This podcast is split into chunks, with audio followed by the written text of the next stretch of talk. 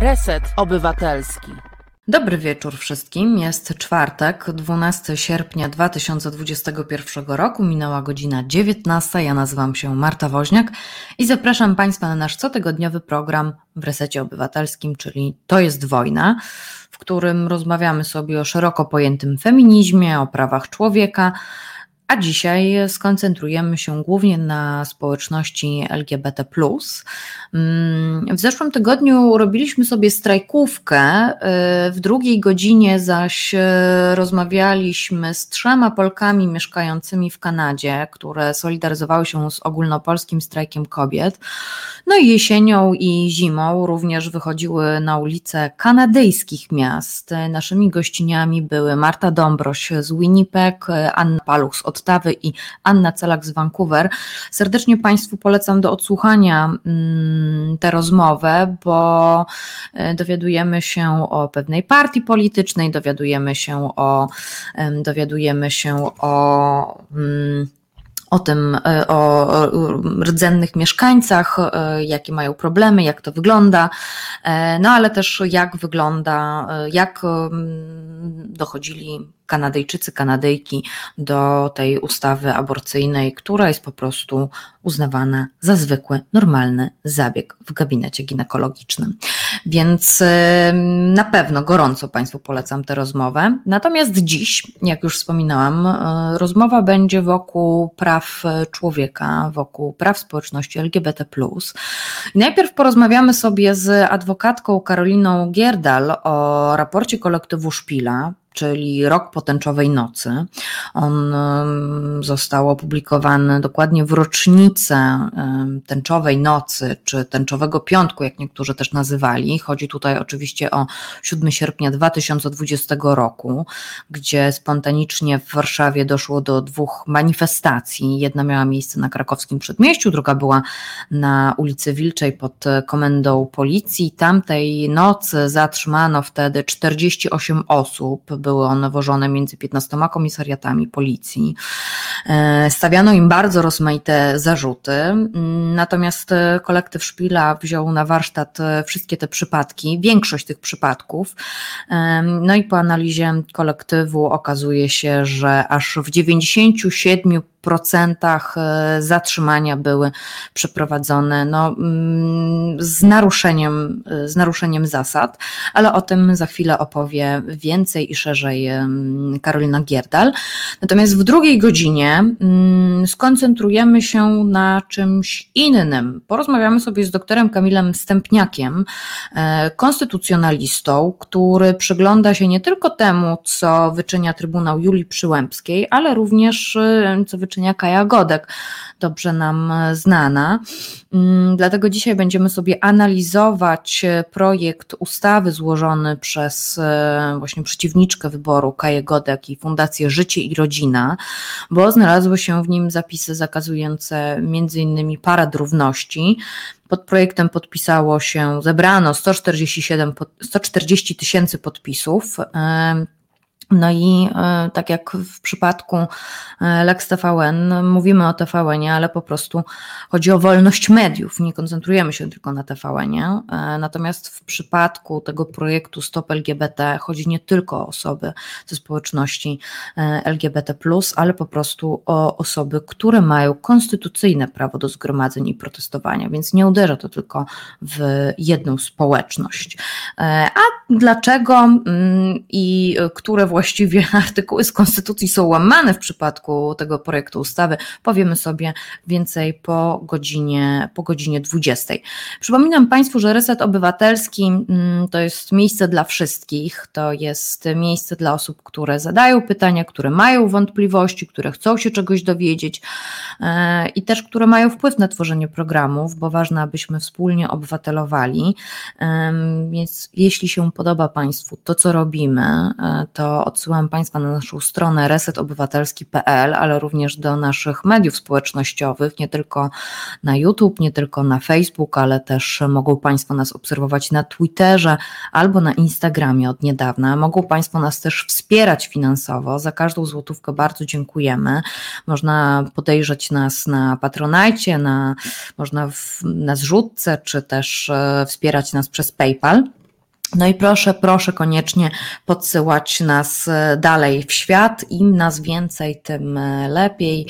E, no, poza tym mm, okazuje się, że mój mail, mój mail trochę jakoś szwankuje. Dostaję od Państwa sygnały, że nie dochodzą maile. Problem został zgłoszony do odpowiednich osób, więc mam nadzieję, że za niedługo m.wozniakmałparesetobywatelski.pl będzie funkcjonowało, funkcjonowało funkcjonował już e, sprawnie, funkcjonował już sprawnie i dobrze. Mm, natomiast e, też należy wspomnieć, że nie jestem tutaj jakby sama. E, jest też Krzysztof, który realizuje nasz dzisiejszy program, ale też mamy producenta programu, którym dzisiaj jest Adam z Rivi, za co bardzo, bardzo dziękuję, że akurat zechciał, zechciał tutaj wesprzeć To jest wojna, nasz program. Witam się z Państwem, witam Pana Andrzeja, witam Antoniusa, jest też redaktor Wawrzeniak, e, jest i producent nasz dzisiejszy Adam z Rivi, e, jest Pani Irmina, jest Anka, jest Pani Anna Gryta, jest Pan Marcin, jest też Martin, Robert Jakub, który e, bardzo serdecznie poleca obejrzeć do końca Waszego lub tej audycji. Chodzi tutaj o nasz dzisiejszy odcinek programu To jest wojna. Jest też Pan Grzegorz, Także i pani Małgorzata, pani Iwona jest z nami, pani Marta, e, pani Dorota, pan Adrian, również czujny, e, który tu komentuje, że Również, a również się wita z mm, Karoliną Gierdal, która jasno i zdecydowanie trzyma mocno stronę wolności i równości osób LGBTQPIA i broni represjonowane przez władze osoby. Mm, jest też Julo y, i pan Mariusz, także cieszę się, że Państwo są z nami y, i teraz myślę, że już y, możemy zaprosić do naszego wirtualnego studia adwokatkę Karolinę Gierdal z kolektywu Szpil Szpila, ale również wspierającą mm, tutaj e, kampanię przeciw e, homofobii. Witam serdecznie. Dzień dobry. E, pani Karolino, mm, proszę powiedzieć, czy trudno sporządzało się taki raport? Ojej, znaczy strasznie trudno. E, w tym sensie, że to robiłyśmy to, robiłam to w trakcie mojego urlopu z koleżankami. E, musiałyśmy zebrać po prostu od wszystkich e, osób zatrzymanych informacje, a następnie przeczytać to wszystko i w jakiś sposób usystematyzować. Mm, oczywiście pewne wątki w tym wszystkim się powtarzały. Kiedy przeczytałyśmy te wszystkie postanowienia z uzasadnieniami, też zaczęłyśmy dostrzegać pewne wspólne ich cechy, więc to już była jakaś ciekawsza praca, no ale nie ukrywam, to jest dużo pracy, żeby napisać taki raport. A szykujemy się, żeby napisać też raport podsumowujący zatrzymania, które były, które dotyczyły e, tego, co wydarzyło się po wyroku tak zwanego Trybunału Konstytucyjnego w sprawie aborcji, e, kiedy to też e, bardzo wiele osób zatrzymywano od października do stycznia praktycznie no to będzie, no to będzie ogromny y, w takim wypadku ten raport, bo tam było dość sporo osób y, mhm. i to rozumiem, że to, no bo tak, no bo jednak y, rok potęczowej nocy dotyczy Warszawy, bo wtedy właśnie 7 sierpnia 2020 roku były dwie manifestacje, jedna w obronie Margo, aktywistki, aktywistki LGBT, żeby właśnie nie dochodziło do jej zatrzymania. To może zacznijmy od tego, co również jest uwzględniane w raporcie, zbiegowisko, Mhm. czy y, zbiegowisko, czy zgromadzenie, bo mhm. wiele osób różnie mówi. Ja też y, byłam świadkową w sądzie w tej sprawie, no i użyłam takiego sformułowania, jak takie. Użyłam chyba nie zbiegowiska, nie zgromadzenia, ale pamiętam, że właśnie mówiłam o, tak, o spontaniczności tego. Mhm. O to się po prostu mhm. z ulicy szło i się widziało, że coś się dzieje. Więc mhm. jak to jest z tym zbiegowiskiem i ze zgromadzeniem? E, to rozróżnienie jest dość istotne z punktu widzenia tak naprawdę prawnego, dlatego że e, zgromadzenie to i wolność zgromadzeń to jest jedno z, jedna z wolności e, człowieka, jedno z praw człowieka, e, które powinno być chronione przez, e, przez państwo, natomiast e, zbiegowisko, którego uczestnicy mają, się, mają dokonywać gwałtownego zamachu na mienie, między innymi, ma być przestępstwem. Więc rozróżnienie między tymi dwoma terminami jest dość istotne. 7 sierpnia, kiedy zatrzymano osoby, które protestowały na krakowskim przedmieściu, a potem protestowały na, pod komendą na Wilczej, ponieważ w tym dniu odbyły się dwa spontaniczne zgromadzenia E, jedno w obronie Margo, a drugie w e, solidaryzujące się z osobami, które już były zatrzymane na krakowskim przedmieściu. Oba te zgromadzenia zostały rozbite, osoby były zatrzymane. Wszystkim tym osobom postawiono zarzut udziału w zbiegowisku, którego uczestnicy dopuszczają się gwałtownego zamachu na mienie na krakowskim przedmieściu, bez względu na to, czy osoba była zatrzymana na Wilczej, czy była zatrzymana na krakowskim przedmieściu. E... A co miało być tym mieniem? Mieniem miało być między innymi samochód policyjny. Mhm. E, nie chcę tego teraz oceniać, nie widziałam akt. E, policja twierdzi, że do takich uszkodzeń doszło, czy doszło. E, nie, nie, nie chciałabym tego oceniać. Bez względu na to, czy doszło do takiego uszkodzenia, czy nie, myślę, że nie, ma, nie powinno być wątpliwości, że osoby, które znalazły się na krakowskim przedmieściu czy na Wilcze, nie znalazły się tam ani przypadkowo, ani bezcelowo.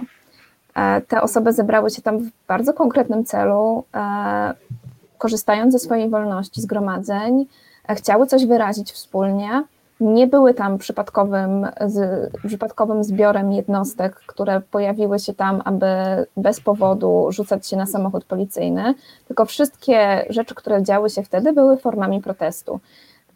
Czy to zarówno to, że niektóre osoby na przykład siadły na samochód policyjny, albo obsiadły wokół samochód, tak aby nie mógł on odjechać.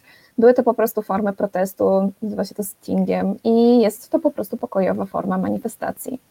E, osoby z kolei na Wilczej uderzały łyżeczkami e, metalu w znaki drogowe, aby po prostu wytworzyć hałas i dać znać osobom, które są zatrzymane, że są na zewnątrz i ktoś się o nie upomina.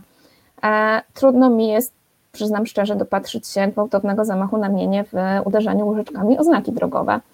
A niestety, e, a niestety tutaj pod takim pretekstem te osoby zostały zatrzymane. No i teraz e, z naszego raportu wynika, że nie wszystkie sądy w ogóle, się, w ogóle analizowały to, czy tego 7 sierpnia doszło do zbiegowiska, czy doszło do zgromadzenia, natomiast te, które chciały to przeanalizować i badały te kwestie, jednoznacznie opowiedziały się za, za tym, że 7 sierpnia mieliśmy do czynienia ze spontanicznymi e, zgromadzeniami, najpierw w obronie Margo, a potem solidaryzującymi się z osobami zatrzymanymi. I że osoby, które były na tych, e, były w te, uczestniczyły w tych wydarzeniach, po prostu korzystały ze swojej wolności zgromadzeń dla mnie i dla nas, jako dla kolektywu, po prostu naturalną konsekwencją takiego stwierdzenia jest, e, jest po prostu stwierdzenie, że w ten sposób policja e, no jednak rozbiła legalne, spontaniczne zgromadzenia. Mhm. Y, to proszę powiedzieć teraz, ile osób y, zostało pokrzywdzonych, ile osób zostało zatrzymanych, jak wyglądały te ich zatrzymania, kiedy mhm. Y, zostały wypuszczane, z jakich komisariatów, mhm. jak, jak, jak, wyglądały te, jak wyglądał ten czas dla tych osób, które 7 sierpnia pojawiły się, żeby zaprotestować legalnie i co się z nimi działo w następnych e... godzinach? W ciągu kilku godzin zatrzymano 48 osób, zarówno na krakowskim przedmieściu, jak i osoby, które e, znalazły się przypadkowo na krakowskim przedmieściu, na przykład robiąc tam zakupy.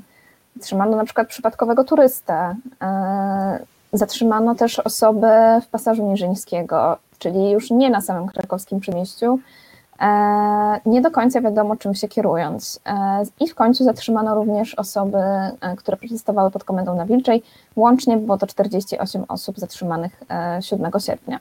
Te wszystkie osoby nie były przewożone pomiędzy poszczególnymi komendami. Tej nocy myśmy naliczyły ostatecznie, że aż pomiędzy 15 komendami. Oczywiście nie jest tak, że każda jedna osoba była przewożona pomiędzy 15 komendami, a po prostu to, że że w taki sposób to wyglądało, że aż tyle komend zostało zaangażowanych w, e, w te wydarzenia. E, od razu, kiedy tylko osoby zostały zatrzymane, mm, zebrało się mnóstwo prawników i prawniczek, którzy chcieli pomóc e, i zgłaszali się na komendy. No to już należy do historii, w jaki sposób było utrudniany dostęp do adwokata. Osoby, które były zatrzymane, nie wiedziały, że adwokat czeka na dole, a my, jako tacy, ja spędziłam północy na Wilczej znaczy w zasadzie całą noc na Wilczej e, na komendzie i nie byliśmy dopuszczani do osób, które były zatrzymane. A jak to argumentowano z Pani Nie doświadczenia? Co- dokumentowano tego, po prostu nas nie dopuszczano. No to nie jest Mhm. tak, że jakby Czyli, że y, Pani nie może, tak? komenda wygląda w ten sposób, że są po prostu pewne drzwi, przez które przejść można tylko mając identyfikator. No więc nie mam tego identyfikatora, nie wedrę się do komendy i, i nie dopadnę mojego klienta bądź klientki. Muszę czekać, aż przyjdzie po mnie policjant i, e, i zaprosi mnie na, e, na czynności. Tymczasem tutaj policja zapraszała na te czynności, ale dopiero po wypełnieniu protokołu zatrzymania. W tym protokole zatrzymania na przykład osoby już zdążyły oświadczyć, że nie będą wnosić zaszalenia. To jest na szczęście nieskuteczne, ale mimo to e, zdążyły powiedzieć, że nie znoszą ża- żadnych zastrzeżeń do ich zatrzymania, absolutnie nic im się nie wydarzyło. E, Zdążyły już na przykład powiedzieć, że rezygnują z prawa do adwokata, nie wiedząc o tym, bo to były już po prostu wpisane gotowe w formę. E, no i cóż, no i te osoby, które tego doświadczyły, no, trzeba wiedzieć, każdy przypadek jest inny, ale łącznie z raportu Krajowego Mechanizmu Prewencji Tortur, który był, powstał po sierpniowej nocy, e, wynikało z niego, że stopień dolegliwości tego, co doświadczyły osoby, które były zatrzymane, e, no, przypominał e, poniżające traktowanie, po prostu wyczerpywał znamiona poniżającego traktowania, a w niektórych przypadkach skala dolegliwości była tak duża, że, e, że zdaniem KMPT doszło tutaj do e, nieludzkiego traktowania. Krok dalej są tortury.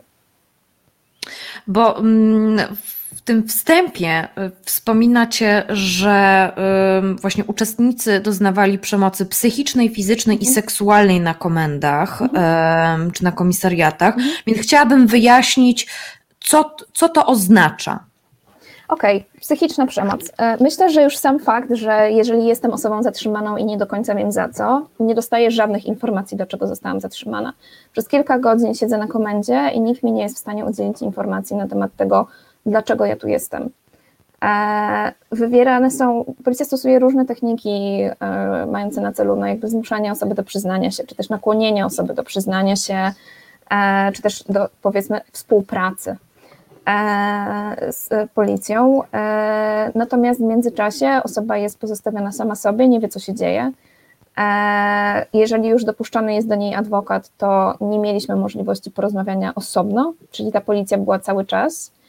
E, To, że osoby nie zostały natychmiast wypuszczone po, po ustaleniu ich tożsamości, tylko zostały przewiezione na tak zwany dołek i musiały spędzić noc na, na dołku. Myślę, że to wszystko są e, bardzo poważne dolegliwości również do stanu psychicznego. Jeden z sądów zauważył również, że tak przeciągające się czynności e, w bardzo istotny sposób wpływają na swobodę wypowiedzi osoby, czyli mogą po prostu prowadzić do tego, że to jest to, co my zawsze powtarzamy osobom zatrzymanym, żeby że najlepiej jest milczeć, jeżeli nie wie się czegoś, co zrobić, dlatego że mm, kiedy jest się osobą zatrzymaną, jest się głodnym, spragnionym, zestresowanym, zmęczonym, niewyspanym.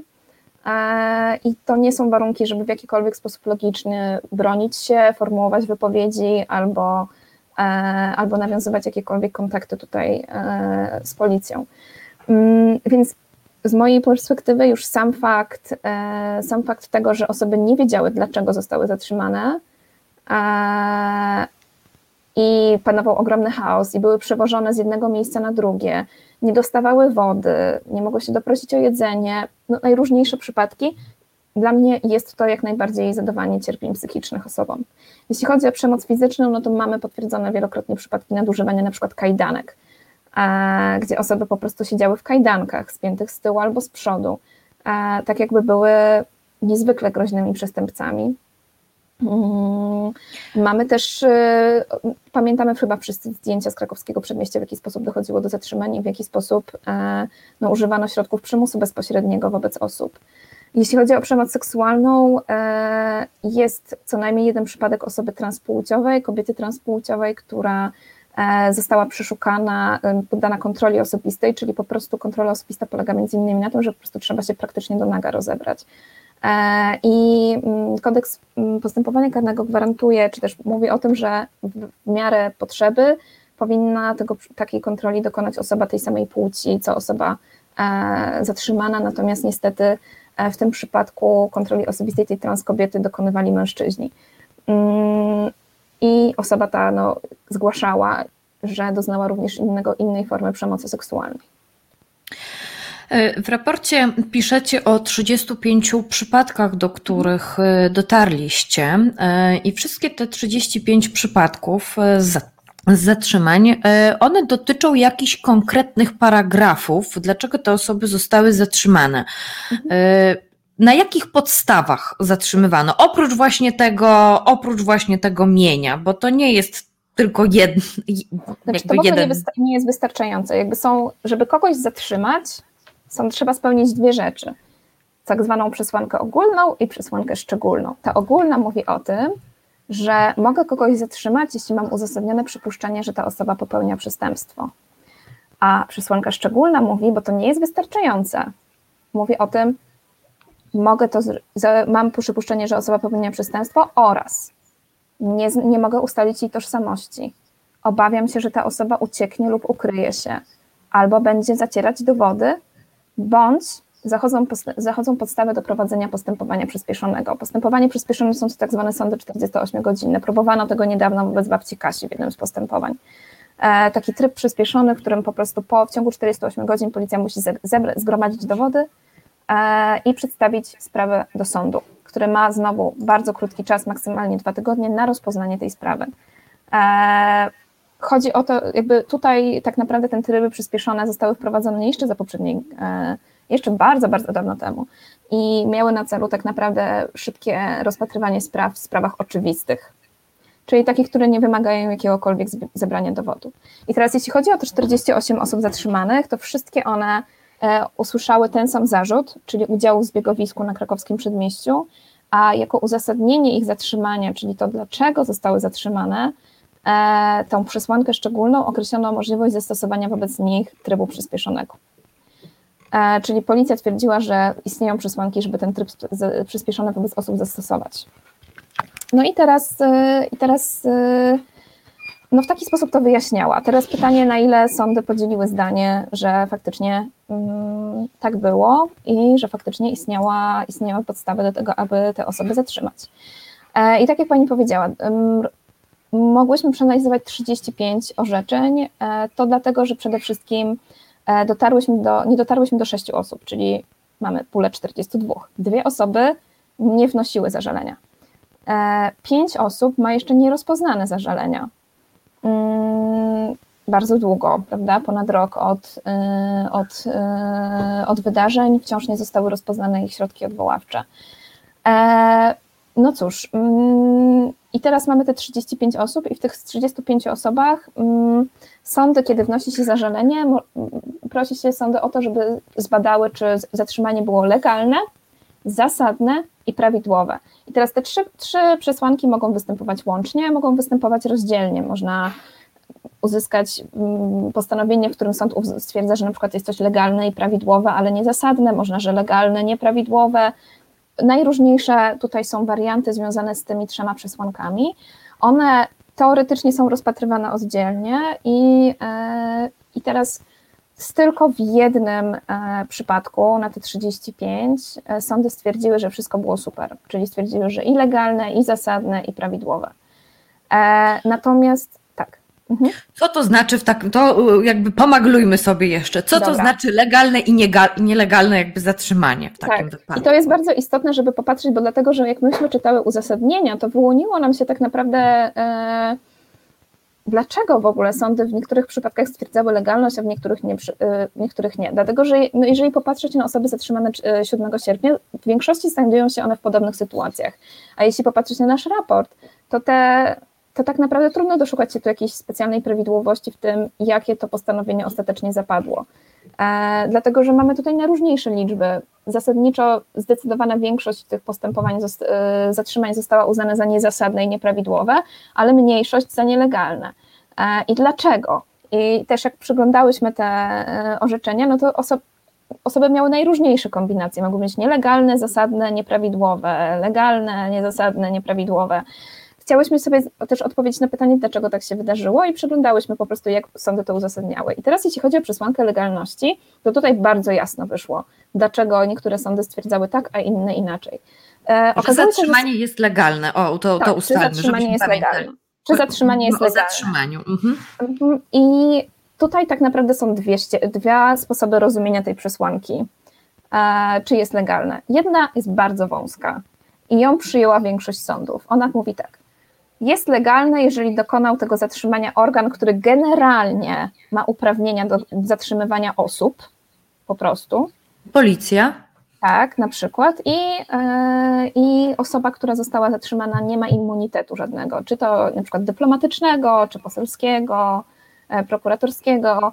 Jeśli osoba nie ma immunitetu, a zatrzymanie dokonała policja, to mamy legalne zatrzymanie, koniec. Nie badamy nic więcej. Mhm.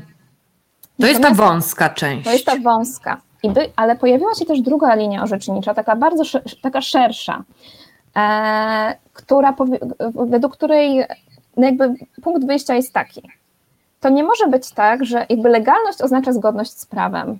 Nie może być tak, że my badamy tylko takie, czy ogólnie policja dokonała zatrzymania, to, bo w ten sposób uznawalibyśmy, że jeżeli na przykład, załóżmy, idzie sobie ktoś po, po, ulicy, ja sobie idę po ulicy i nagle przyjeżdża policja i mnie zgarnia, zatrzymuje, trzyma mnie 48 godzin i wypuszcza, to nawet jeśli stwierdzilibyśmy, że było to niezasadne i nieprawidłowe, to stwierdzilibyśmy, że było legalne, czyli zgodne z prawem. I sądy, i ta druga linia orzecznicza mówi, no nie. Żeby stwierdzić, że to było legalne, to musimy mieć coś więcej. Musimy mieć, że stwierdzić, że istniała jednak ta przesłanka do tego zatrzymania, że to było jednak w jakiś sposób e, zasadne. I te sądy, które uznawały te, te zatrzymania za nielegalne, zazwyczaj były też zwolennikami stwierdzenia, że te wszystkie trzy przesłanki, to one nie są w takich osobnych rubryczkach, tylko one mhm. się w jakiś sposób ze sobą łączą i przenikają nawzajem. I że w związku z powyższym, trud, że nie można ich tak odseparować i rozpatrywać tak bardzo oddzielnie, e, tylko że one mogą na siebie mm, wpływać tak? Czyli, mhm. że jeżeli badamy, czy coś było legalne, czy, nie, czy, czy nielegalne, to sprawdzamy też, czy istniały podstawy do zatrzymania, e, czy właśnie były te, te szczególne i ogólne przesłanki do tego, żeby to zrobić, a e, u tych sądów, które rozumieją to bardzo wąsko, to są osobne przegródki, e, których, żeby ustalić, czy coś było legalne, prawidłowe, czy zasadne, zadajemy sobie zupełnie inne pytania i na zupełnie inne aspekty zatrzymania patrzymy. No więc, więc tutaj jest... nam wyszło, tak. 31%, bo jak rozumiem tak, bo badacie 35, więc w przypadku jednym wszystko jest jakby, nazwijmy to super, choć nie do końca.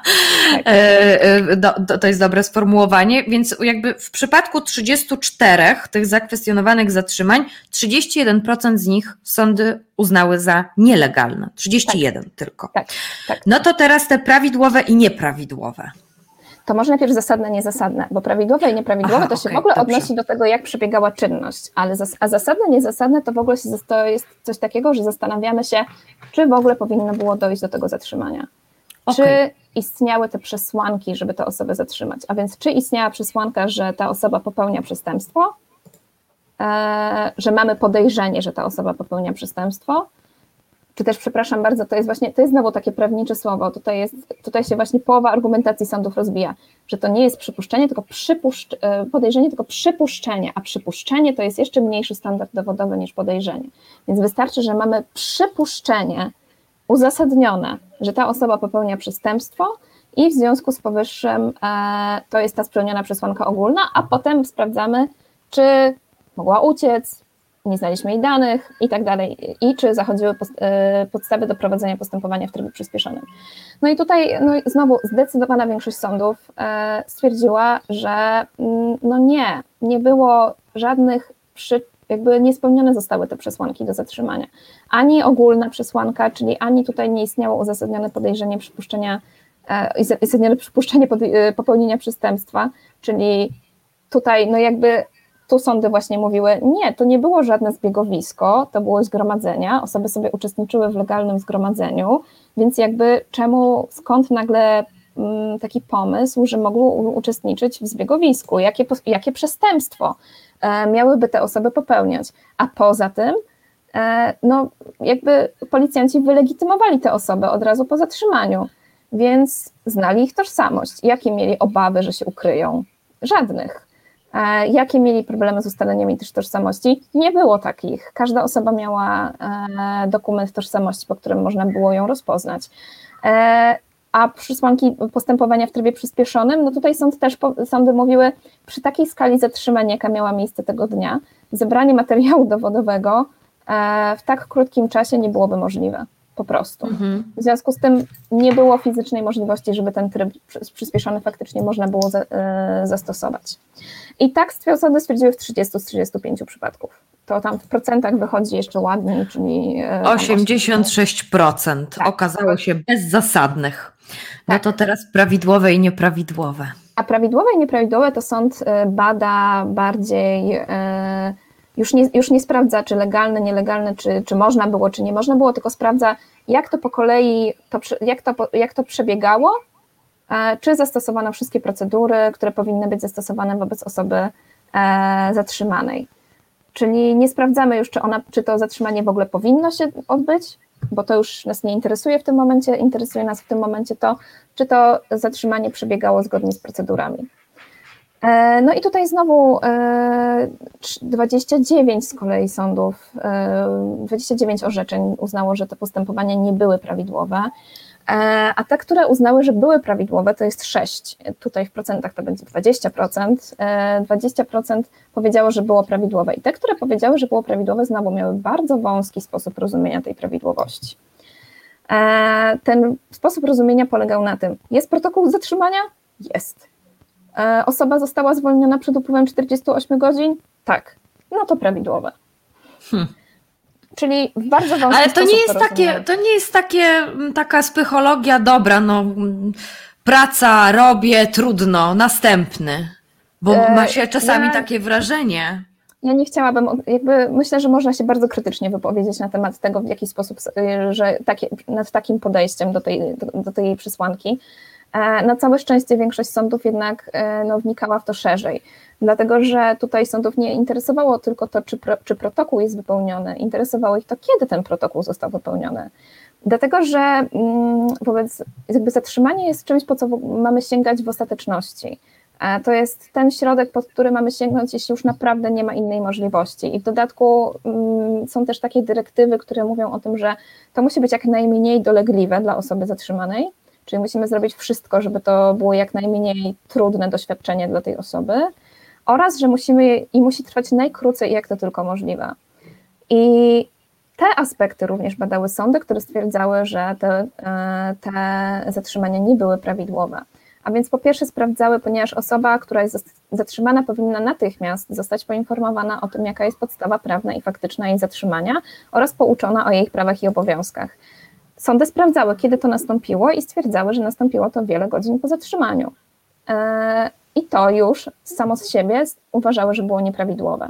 Fakt, że właśnie obrońcy czekali e, na, mm, na komendach i nie byli dopuszczani do, e, do osób zatrzymanych, albo osoby zatrzymane nie były informowane o tym, że, że ich obrońcy na nich czekają, też był uznawany za nieprawidłowe.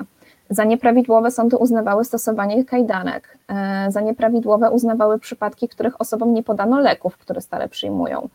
E, czy też e, sytuacje, w których osoby nie dostawały wody przez dłuższy czas, czy nie dostawały posiłku, bo taki posiłek im również przysługuje. Ale też za nieprawidłowe sądy uznawały to, że to zatrzymanie trwało tak straszliwie długo.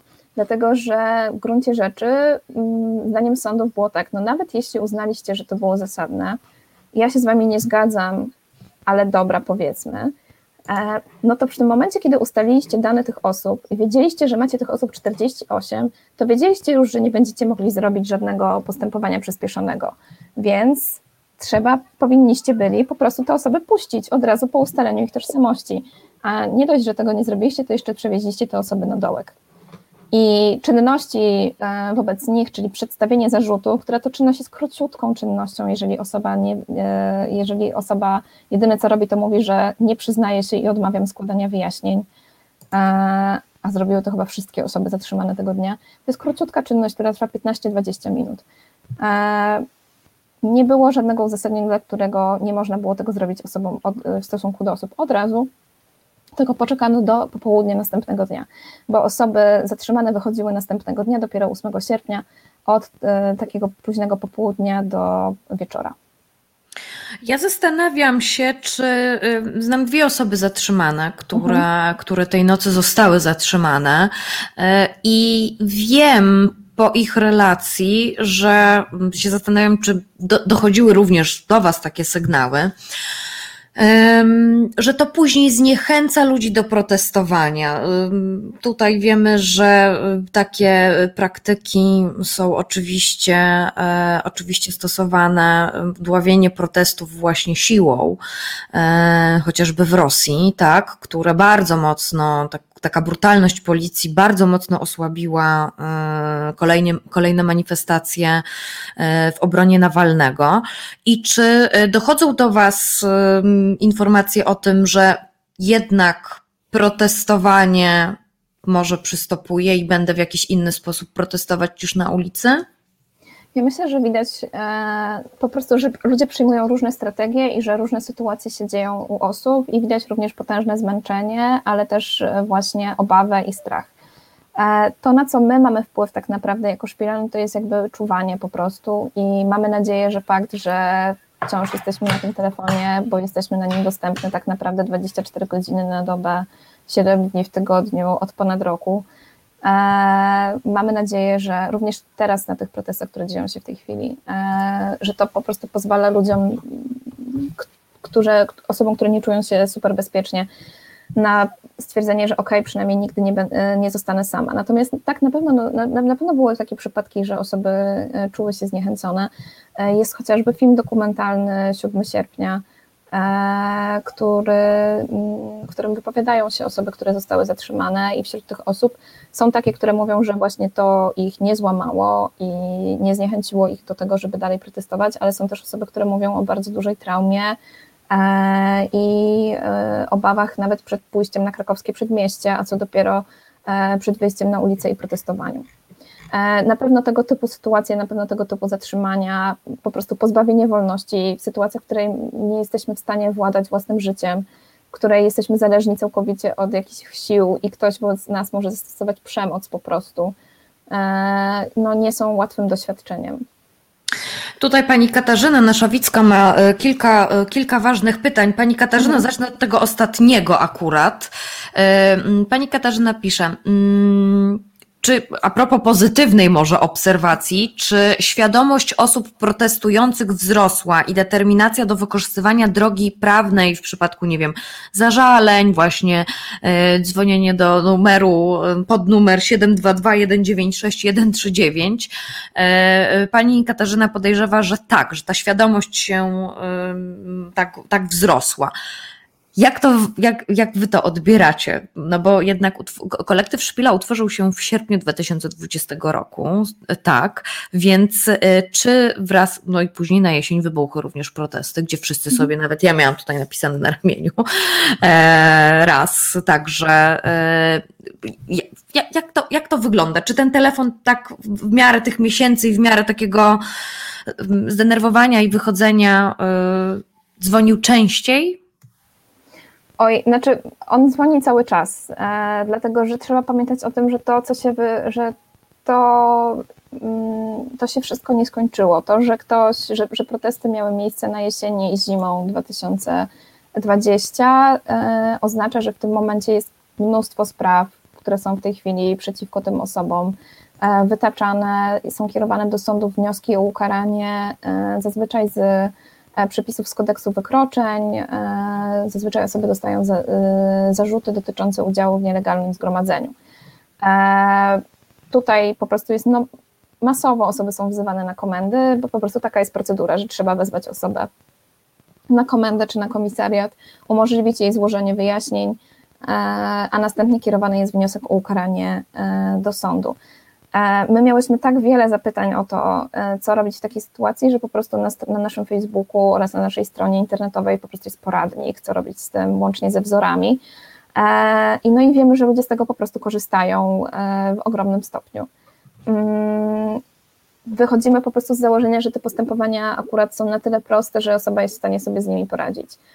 Jeśli właśnie chodzi o te zarzuty dotyczące udziału w nielegalnym zgromadzeniu, bo to jest dość proste do obalenia bardzo prostego powodu nie ma czegoś takiego jak udział w nielegalnym zgromadzeniu, a już na pewno nie stanowi on wykroczenia. mm, nie można po prostu ograniczyć wolności zgromadzeń w drodze rozporządzenia, a na tym opierają się te zarzuty. Czyli tak. Pomyślałam o pewnej jeszcze takiej rzeczy, kiedyś rozmawiałam mm, z pewną osobą y, znającą, jak policjant chodzi do sądu, to co mhm. on mówi. I bardzo często zdarza się, że mówi po prostu przed, y, przed sądem: Nie pamiętam. Mhm. Y, czy również i w tym przypadku jest taka praktyka? No i co właściwie sąd, co, sąd z takim zeznaniem robi? No bo tak, jak myślę sobie, to nic nie jest w stanie jako od świadka, nie wiem, zatrzymania albo osoby zatrzymującej, tak, uzyskać, jak wyglądało naprawdę, oprócz tego, co jest y, w dokumentach złożonych y, na policji. Jak, jak, to, jak, to, jak to wygląda ze strony właśnie policjantów, z Waszych obserwacji? Znaczy oni nie chodzą na sprawę o wykroczenia, bez przesady, w sensie naprawdę nie chodzą. Jakby one są zbyt drobne na to, żeby oni chodzili i zeznawali w sprawach o wykroczenia. E, rzadko kiedy to się zdarza. No oczywiście zdarza się, jakby sąd może ich wezwać, natomiast e, to nie jest tak, że to się zawsze wydarzy. Mm, no, jeżeli świadek nie pamięta, a policjanci zeznają tutaj w charakterze świadków, no to odczytuje im się zeznania, które były złożone zaraz po, e, po wydarzeniach. No jakby rolą policji e, jest to, aby zabezpieczyć dowody, więc teoretycznie w tych aktach sprawy prowadzonych przeciwko nam powinna znajdować się, powinny znajdować się zeznania policjanta, który no jakby jakby opowiada o przebiegu wydarzeń i ich, jego okolicznościach, które potem, jeżeli nie pamięta, na takiej rozprawie można mu odczytać. E, natomiast, e, no natomiast e, na pewno wpływa to na jakoś na ich wiarygodność. Myślę, że bardzo to wyszło przy sprawie babci Kasi, gdzie policjanci nie byli w stanie odtworzyć tego, co zeznali tam dobę wcześniej. I tutaj również powoływali się na swoją niepamięć. No tutaj sąd ocenił to bardzo surowo, stwierdzając, że nie jest możliwe, żeby po tak, po tak krótkim czasie nie pamiętali tych okoliczności. Mm, natomiast no myślę, że wygląda to dość wiarygodnie, e, kiedy policjant po prostu przychodzi po roku i mówi o tym, że nie pamięta, no bo jesteśmy ludźmi, ja też nie pamiętam rzeczy, które robiłam tydzień temu o tej porze na przykład, więc myślę, mhm. że trudno też sobie wyobrazić, że osoba może pamiętać wszystkie okoliczności zdarzenia po tak długim upływie czasu. Dlatego najważniejsze jest to zabezpieczenie dowodów e, w trakcie. E, no oczywiście e, problem oczywiście polega na tym, że no trochę nie mamy kontroli nad tym, co ten policjant zeznaje do tego protokołu w trakcie, kiedy zbierane są te dowody. Pytanie, y, które chciałam zadać, ale które również tutaj jakiś czas temu pojawiło się na naszym czacie na y, YouTubie. Mhm. Radosława Izapela pyta, czy osoby zatrzymane, które mogą, będą sądzić się o odszkodowania?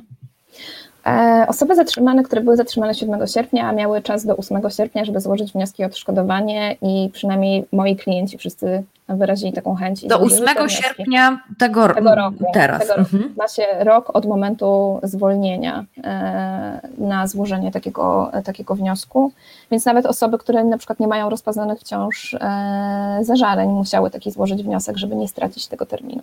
I tak, mhm. no moi klienci złożyli wszyscy. Jeśli chodzi o, mm, o inne osoby, no to tego, co widziałam, z tego, jak rozmawialiśmy, rozmawiałyśmy z tęczowymi obrońcami, to, są, to jest właśnie ta grupa tych obrońców, którzy która się zawiązała 7 sierpnia, e, to jakby wszystkie też osoby składały wnioski o, o odszkodowanie, także tych wniosków po prostu może pójść e, całkiem dużo. A ile można dostać? Bo jak rozumiem, no. są pewnego rodzaju, y, y, tak mi się wydaje przynajmniej, czy są y, jakieś takie kwoty, mhm. które można, albo nie wiem, widełki, które można, mm, czy, bo jak wtedy się kwota, jak się w takim wypadku mhm. kwota odszkodowania ustala, żeby ona nie była, nie wiem, nie za duża?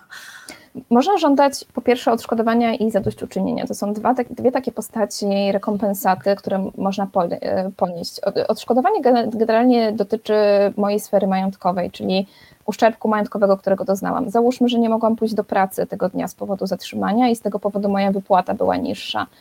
Wtedy hmm. to tutaj po prostu potrzebuję e, uzyskać rekompensatę za ten utracony zarobek.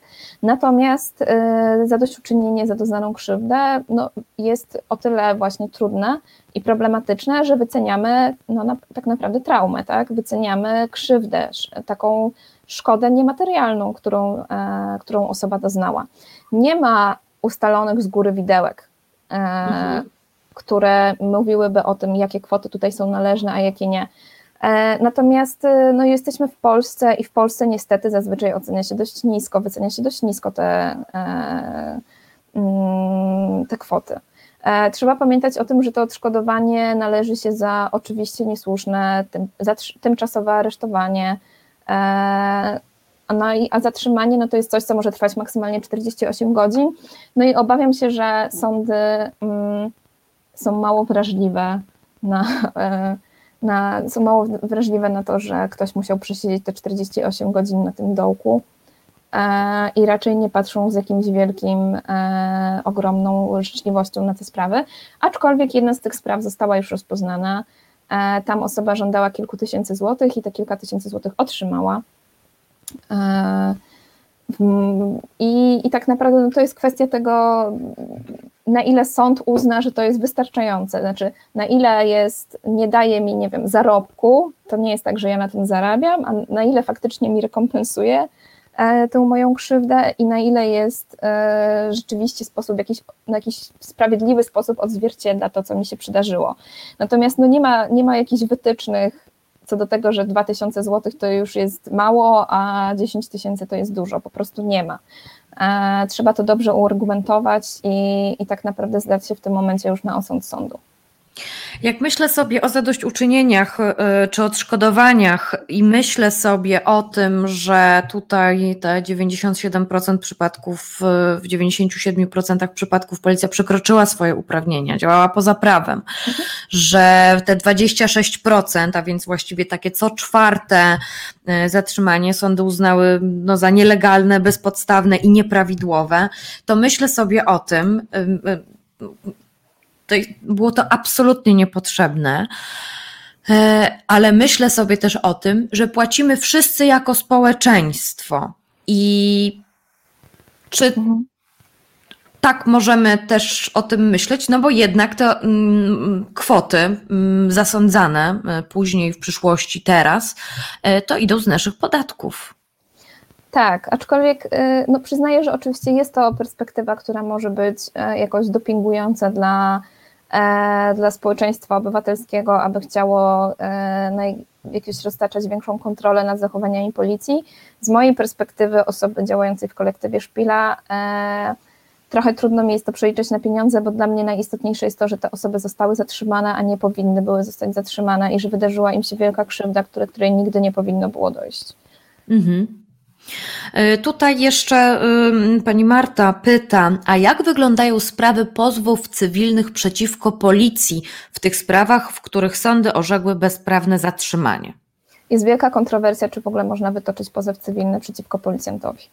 E, wynika to po prostu z tego, że właśnie jest przewidziana ścieżka uzyskania rekompensaty, zadośćuczynienia i odszkodowania za tą doznaną krzywdę, e, czyli właśnie to, ten wniosek o odszkodowanie składany w ciągu roku od zwolnienia. E, z komendy.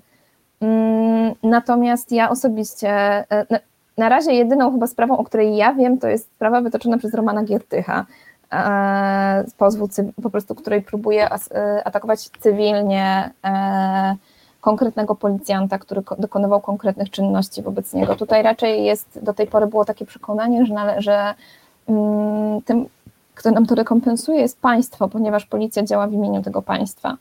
E, natomiast ja osobiście e, po lekturze przepisów, e, też rozmawiając również z obywatelami RP i ich prawnikiem, mm, mamy poczucie, że być może wcale nie jest tak, że ci policjanci mieliby nie odpowiadać za naruszenie dóbr osobistych w postaci wolności przed i, i, że, nie, i że naszym zdaniem jest możliwa ta ścieżka cywilna i być może będziemy, e, będziemy się starać ją mm, wykorzystać. Ale jeszcze nic nie jest przesądzone w tym momencie. Kolektyw Szpila cały czas e, jest z nami, cały czas e, zachęcam Państwa do oczywiście polajkowania fanpage'a na Facebooku. Ostatnio pojawił się również tutaj konto instagramowe, więc czy na Twitterze, więc można śledzić, można podsyłać, podsyłać dalej w świat, szczególnie, że są, tutaj, są tam również dużo wskazówek prawnych, e, co państwu wolno albo co państwu nie wolno. Robi, zrobiła to, przygotowała między innymi Karolina Gierdal, e, prawniczka, ale również e, inne osoby mm, za pan brat z prawem. Natomiast wy cały czas działacie i nawet wczoraj mieliście nie wiem czy trudną, tak. ale noc w pracy.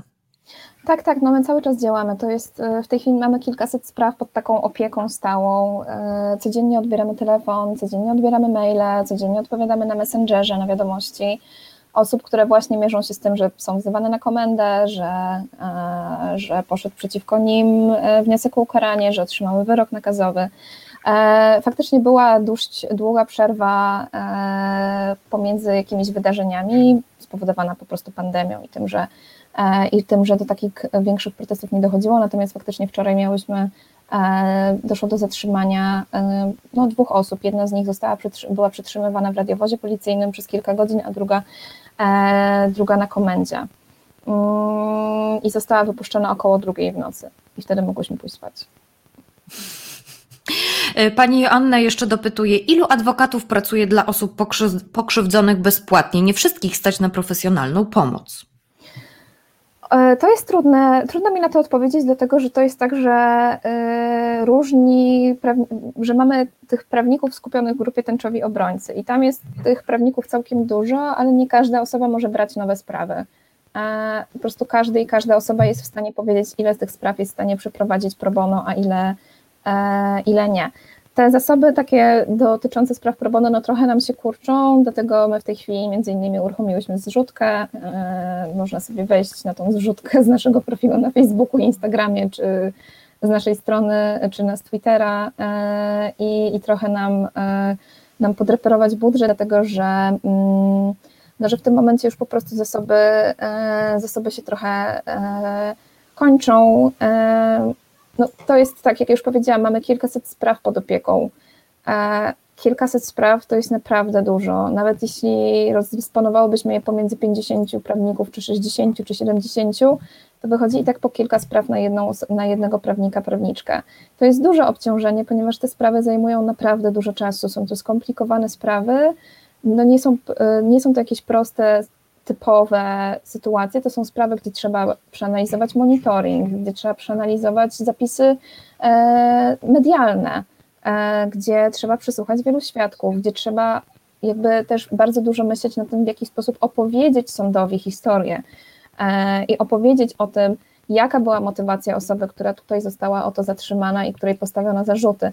To jest ogrom pracy i no też dla nas no, dla nas po prostu jest istotne, żeby każda osoba nie została bez pomocy, dlatego też jakby no, zbieramy te środki, tak aby w razie czego móc, e, móc również za taką pomoc profesjonalną zapłacić, tak aby osoba sama nie musiała tego robić. Więc odsyłamy Państwa na e, Facebooka kolektywu Szpila. Mogą Państwo również wygooglować, wpisać w wyszukiwarce e, Szpila zrzutka. E, to jest dokładnie 5HE5KC. Mm, taki jest skrót podrzutka.pl ukośnik ENU ukośnik, no i tutaj 5HE5KC. Także um, proszę się dołączać. A powiedz, e, proszę mi powiedzieć jeszcze a propos, e, tylko w Warszawie działacie? Um, bezpośrednio działamy tylko w Warszawie, ale to wcale nie jest tak, że nie dzwonią do nas osoby z innych miast. E, na szczęście w niektórych z tych miast działają też, może nie takie same kolektywy jak nasz, ale działają również pewne osoby, które są w stanie pomóc czy skontaktować z prawnikiem, prawniczką.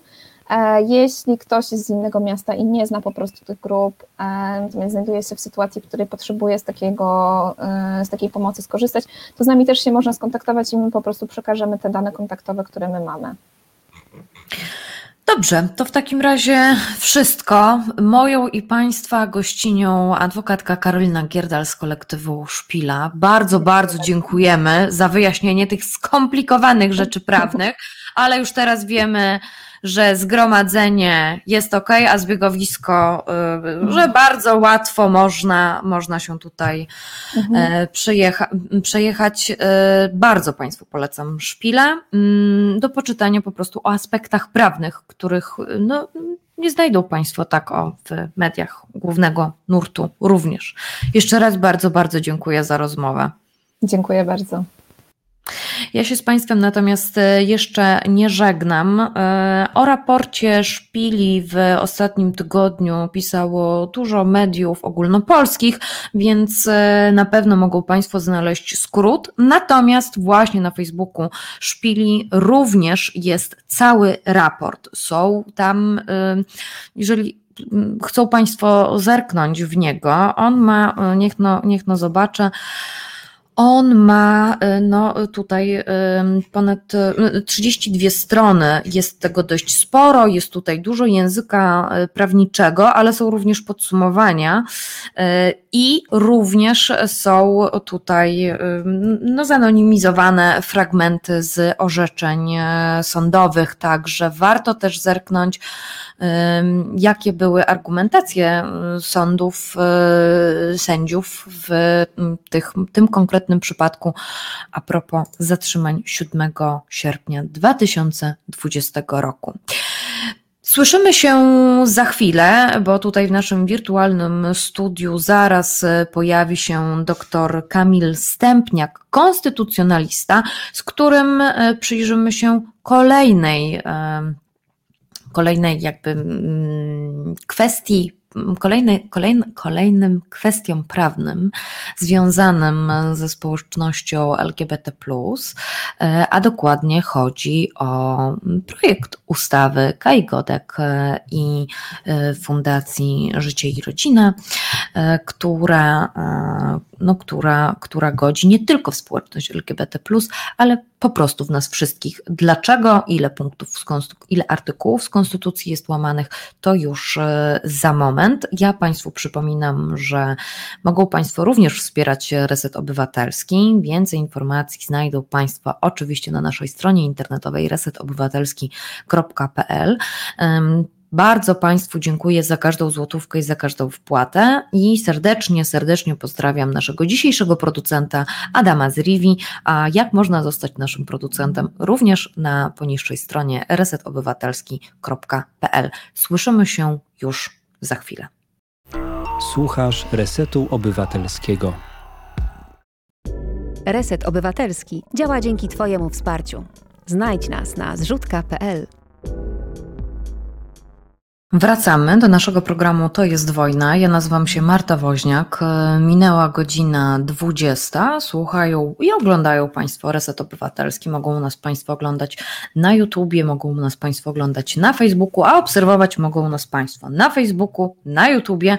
Mam nadzieję, że subskrypcje są i łapki w górze również, ale również jesteśmy na Twitterze i od niedawna na Instagramie, więc um, proszę jeżeli korzystają Państwo z tych mediów społecznościowych, to można nas e, obserwować, a po więcej informacji kto my jesteśmy, co my robimy i czym się zajmujemy, resetobywatelski.pl.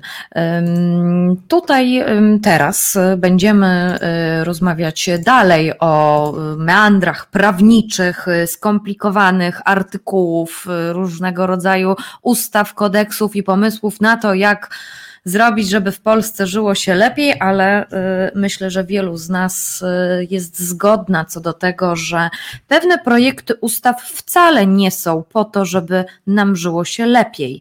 Y, dlatego teraz o tym sobie porozmawiamy i o godzeniu w prawa człowieka z doktorem Kamilem Stępniakiem, którego już tutaj zapraszam do mojego wirtualnego studia. O, witam Dzień dobry, serdecznie. pani redaktor, dzień dobry Państwu.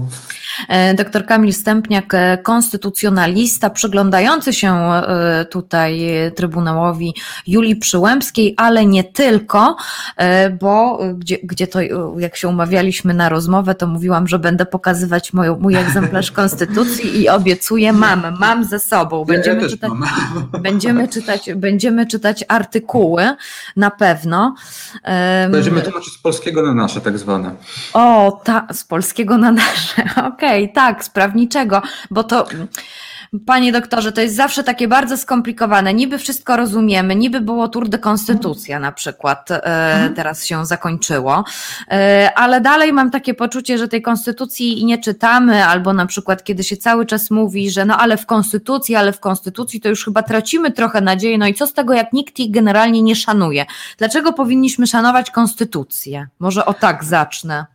A, no to jest bardzo szeroki problem. To można było książkę na ten temat napisać, dlaczego warto e, szanować konstytucję. No dlatego, że to jest nasza umowa społeczna, coś na co się umówiliśmy w specjalnym trybie i to reguluje generalnie tryb naszego, tryb naszego życia e, w społeczeństwie i to, żebyśmy się wszyscy wzajemnie szanowali, nie pozabijali i e, żeby nam się żyło po prostu dobrze, tak? Żebyśmy w tym domu, który nazywa się Polska, jednak żyli, żyli e, zgodnie. Natomiast jeżeli chodzi o konstytucję i o odwoływanie się do jej przepisów, nawet dzisiaj taką dyskusję na Instagramie e, toczyłem i dlaczego, dlaczego ona jest taka niezrozumiała.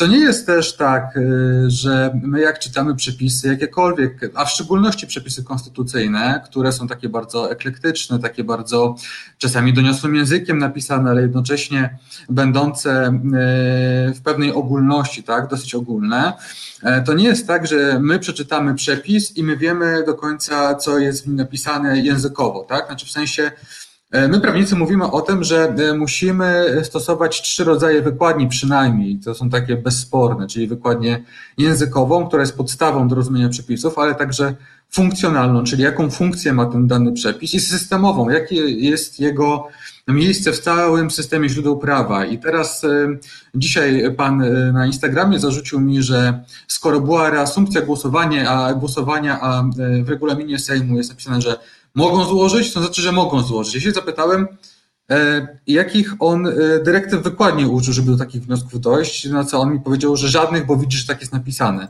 No nie, to nie jest tak, drodzy Państwo, że jeżeli widzimy jakiś mały wycinek, jakiś mały przepis z całego, z całej ustawy, z całej konstytucji, czy z całego szeregu przepisów innych, to jest tak, że tylko do niego się odnosimy, e, ponieważ musimy znać tło, w przypadku konstytucji tło jakieś aksjologiczne, takie wartościujące, ale też co przyświecało e, ustawodawcy, co, e, jakie były założenia, jakie jest tło historyczne, jakie jest orzecznictwo. To wszystko wpływa na to, w jaki sposób rozumiemy przepisy konstytucji. I o tym się zapomina i to też robi niestety władza, w szczególności ta władza, ale też zwracam uwagę na to, że to się wcześniej też pojawiało, że jeżeli władzy jest na rękę e, rozumienie jakiegoś przepisu, e, to są w stanie zrobić e, taką ekwilibrystykę, żeby, żeby swoje rozumienie nam wszystkim przedstawić, że mówią, że to jest tak, bo tak jest napisane w Konstytucji. Jeżeli rzeczywiście laik zagląda do przepisów, do jednego przepisu, mówi, no kurczę, oni mają rację. Oni mają rację, no tak jest w końcu napisane.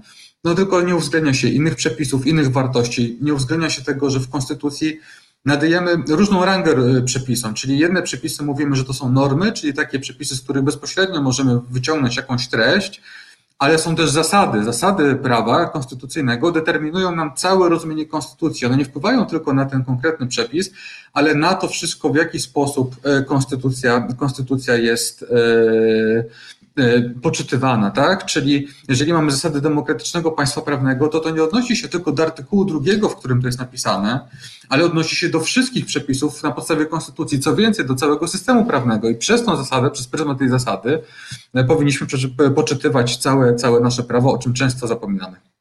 Czyli mocno się po prostu upraszcza. Władza lubi upraszczać? E, lubi władzę upraszczać, nie tylko nasza, generalnie to się dzieje na świecie, to się działo u Orbana, to się dzieje, to się działo u Trumpa, e, to się dzieje u wszystkich populistów tak, tak na dobrą sprawę, ale e, generalnie jest tak, że łatwiej jest człowiekowi powiedzieć, jakiś taki przepis jeden pokazać i powiedzieć, no zobacz, to jest tak napisane, a nie przedstawiać całego tego kontekstu instytucjonalnego, w związku z czym uproszczenia, a do nas jako do ludzi, to Dawid Kahneman kiedyś o tym napisał, trafiają takie proste przekazy. To znaczy my, y, on, y, ten noblista podzielił nam myślenie na myślenie szybkie i myślenie wolne tak zwane. I my generalnie jako ludzie jesteśmy w tym myśleniu szybkim cały czas. Jeżeli ktoś nam powie, OK, jest tak napisane, my nawet to sprawdzimy, no rzeczywiście jest tak napisane ale żeby wyciągnąć z przepisu prawnego normę prawną, musimy uwzględnić dużo szerszy kontekst, a to już wymaga e, jakiejś wiedzy i jakiegoś doświadczenia i przede wszystkim wysiłku intelektualnego. No i e, niestety e, nie lubimy tego, tak? Ale e, łatwiej się sprzedaje politycznie rzeczy proste, prawda? Y, tutaj pani Joanna, y, która słucha nas y, z Danii, pozdrawiamy serdecznie. Wspomina, że w Danii też pani premier Mette Frederiksen depcze konstytucję, więc ogólnoświatowy to jest chyba problem. Tak, no, generalnie jest tak, że w państwie demokratycznym to prawo powinno regulować E, to, w jaki sposób politycy funkcjonują i w to, w jaki sposób ta polityka w ogóle, jakie, jakie są ramy polityki. Natomiast politycy mają taką e, tendencję w sobie, że chcieliby bardzo, żeby to oni byli na górze całego systemu, żeby oni tak naginają to, żeby to oni jak najwięcej władzy dla siebie zawłaszczyli. Więc tendencja jest ogólnoświatowa, nie jest, e, nie jest e, może dziwna. E, są oczywiście takie demokracje, które się temu, temu nie, nie poddają. Na przykład szwajcarska demokracja, bardzo specyficzna, przez lata ukształtowana, tak zwany system parlamentarno-komitetowy, czyli rządy zgromadzenia. I tam ja obserwuję, badałem swego czasu system szwajcarski i tam jest rzeczywiście tak, że bardzo jest duża racjonalność. Nie wiadomo, mają bardzo dużo referendów, bardzo dużo inicjatyw ludowych, ale tak jak na przykład był e, dochód podstawowy głosowany, w Polsce, gdybyśmy e, dali taką inicjatywę, która by była dopuszczalna, że e, dajemy każdemu 5 tysięcy złotych za to tylko, że jest Polakiem i poddajemy to pod głosowanie bezpośrednie, no mogę sobie dać rękę uciąć, że to by przeszło u nas. Natomiast oni to odrzucili w 2016 roku. E, no, szapoba, no, ale to jest e, w lata uwarunkowań historycznych, prawnych, także myślę, że na młodej demokracji do tego bardzo jeszcze daleko. To ja mam jeszcze takie pytanie, zanim przejdziemy do tego naszego głównego hmm. tematu, bo to mi też, to mnie też czasami tak mm, denerwuje, y, ale nie, znajduję jakoś specjalnie y, tutaj hmm. oklasków w związku z tym. Mam takie poczucie, że bardzo często lubimy porównywać, że skoro gdzieś jakiś jest przepis, to u nas też on jest odpowiedni, że skoro na mhm. przykład, a propos aborcji, dajmy, mhm że skoro w Kanadzie y, jest y, właśnie tam, ja przepraszam, ale ja tu non stop po tej białej kartce papieru, bo ja mhm. uważam, że to, że to chyba jeszcze nie na ten czas, y, choć pewnie niektórzy już mogą mnie zjadać w komentarzach z tego powodu, bo myślę sobie, że jak w Kanadzie w tym 88 roku była ustawa liberalizująca prawo aborcyjne, a teraz od 2019 roku w ogóle nie ma nic o aborcji w tych głównych mm, kodeksach, ustawach i tak dalej, tylko po prostu funkcjonuje to jako zabieg, mhm. E, no to krzyczymy zróbmy tak, zróbmy tak. No ale to jest jednak inne państwo, inny system, inne prawo i tak dalej, i tak dalej. Jak na przykład e, kwestię aborcji rozwiązano w mm, liberalizacji e, aborcji w Irlandii przez referendum, zróbmy referendum, bo u nich się udało czy w ogóle powinniśmy, pewnie jest masa innych przykładów, które moglibyśmy podać, ale czy faktycznie mm, coś, co jest prawem w jakimś kraju, przepisem, który został wprowadzony, czy y, powinniśmy się oglądać w takim wypadku? Czy są na przykład czy... może mhm. jakieś takie, może jest jakaś taka pula, na którą właśnie nie możemy patrzeć, jeżeli chodzi o przepisy, a jest taka pula, na którą właśnie powinniśmy czerpać z innych y, krajów? Mhm, jasne. E, to, o czym pani redaktor mówi, to się nazywa w języku prawniczym komparatystyka prawnicza, czyli porównujemy przepisy innego państwa z przepisami naszego państwa, zastanawiamy się, co można by było implementować. E, I to nie jest tak, że każde przepisy możemy tak prosto przenieść, bo znowu liczy się bardzo dużo czynników. Czynnik instytucjonalny, to jaki jest system rządów, czy tam jest, e, rządzi bardziej rząd, czy może to jest system prezydencki, w jaki sposób te przepisy funkcjonują. Zwróćmy uwagę, że na przykład przepisy aborcyjne w Niemczech, w Niemczech teoretycznie aborcja, z tego co kojarzę, jest zakazana prawnie, a jednocześnie jest dokonywana, ponieważ nie ma jej penalizacji. O ile się nie mylę, nie, nie jestem od tego specjalistą, ale tak, tak mi się wydaje. Natomiast to nie jest takie przenaszalne jeden do jednego, ponieważ e, znowu komentujemy jeden e, przepis, e, nie, nie mamy tego, tego mm, całego kontekstu instytucjonalnego. Nie mamy praktyki takiej ustrojowej jak tamte państwo dane, e, nie mamy, e, nie mamy e, takiego doświadczenia, więc ja bym był bardzo daleki od tego. Oczywiście, my na przykład naszą konstytucję też bardzo wzorowaliśmy. Wzorowaliśmy na konstytucji chociażby III Republiki Francuskiej, natomiast te w szczególności kartę prawa człowieka, tak? Natomiast i pewne rozwiązania. Natomiast byłbym daleki od tego, żeby tak sobie po prostu upraszczając przenosić przepisy. E, ja wiem, że to nasi politycy też bardzo lubią, bo to szumnie brzmi. Zobaczcie, gdzieś jest e, jakiś przepis, on jest, to jest państwo liberalne, ale tego zakazują, tak? Ta, ta sama retoryka była w przypadku wolnych niedziel, tych niehandlowych. Zobaczcie, w Niemczech nie ma, tutaj nie ma, tam nie ma. Okej, okay, dobrze, ale weźmy pod uwagę, jaki to będzie miał wpływ na naszą gospodarkę. Każdy projekt ustawy powinien być uzasadniony między innymi e, też w kontekście tego, jak to będzie wpływało na nasz, nasz system prawny, naszą gospodarkę. Co do tej pory orzecznictwo na ten temat mówiło, więc tutaj oczywiście fajne przepisy, e, natomiast e, to tak jak ta przytoczona wcześniej Szwajcaria. Również bym chciał, żeby w Polsce były powszechne referenda i że, żebyśmy na przykład kwestie sporne mogli iść, zagłosować albo przez, przez internet, tak jak, tak jak w Szwajcarii to się dzieje, albo wysłać głos swój i te odciążmy w ogóle od tego polityków, zmieniajmy to sami. Natomiast no wydaje mi się, że e, niestety e, w Polsce te referenda by w taki sposób e, nie funkcjonowały dobre jak tam. Zresztą tam też są przepisy bardzo szeroko ukształtowane, ale jednocześnie w części są martwe. Jest coraz mniejsza, coraz mniejsza frekwencja, pomimo że to jest zakorzenione bardzo mocno u nich. Oni mają frekwencję na poziomie 30-40%. To wcale nie jest dużo, chciałoby się powiedzieć. Mieli e, na poziomie federalnym możliwość e, głosowania e, bezpośrednio zmian w ustawach, nie korzystali z niej w ogóle, bo oni tylko na poziomie federacji teraz mają inicjatywę zmiany konstytucji. Znowuż w tej konstytucji były takie przepisy dosyć kuriozalne. Na przykład część obywateli, to była inicjatywa, która została poparta, ale w referendum przepadła. Były to na przykład takie przepisy, żeby pewną autostradę poszerzyć do czterech pasów w każdą stronę. To, był, to była inicjatywa konstytucyjna. Przepadła. Taka sama inicjatywa przepadła w sprawie tego, że w razie wojny e, każdy e, hodowca gołębi pocztowych musi oddać na rzecz państwa. To też była proponowana zmiana w konstytucji. Przepadła ale przepadła. A pytanie, czy jeżeli nam byśmy dali tak szeroko kształtowane instrumenty yy, partycypacyjne, to czy u nas by to przepadło? Czy byśmy mieli właśnie takie yy, trochę kuriozalne przepisy? No, mogłoby być ciekawie na pewno. Tutaj odniosę się do komentarza pani Agaty. W Irlandii referendum to chyba była formalność, bo zmiana konstytucji go wymagała, więc referendum było w sprawie zmiany konstytucji, nie aborcja, przynajmniej ja tyle zrozumiałam. Więc mówienie, że referendum było o aborcji jest manipulacją. Więc pani Agato, wyjaśniam. Um, mówi się, że jest to historyczne referendum aborcyjne um, dwa, z 2018 roku, bo tutaj akurat Irlandki i Irlandczycy zagłosowali faktycznie za zniesieniem ósmej poprawki poprawki z irlandzkiej konstytucji, ale był to zapis, który zrównywał życie płodu z życiem osoby w ciąży. Więc um, upraszczając, mówi się po prostu tutaj o referendum, tak jasne w sprawie konstytucji, ale w, w, w, chodzi, chodziło o po prostu o konkretny zapis. E, ale mnie to słowo to tak, jak, to tak jak e, u nas mówimy o ustawie anty-LGBT, a tak naprawdę to jest zmiana ustawy prawa o zgromadzeniach. No właśnie, więc. Yy, Czego dotyczy?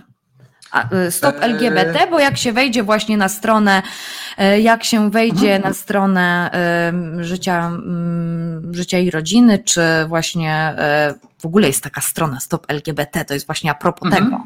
E, I e, czego, czego, dot- czego dotyczy i czy, czego dotyczy to, e, te- ten projekt ustawy, tak?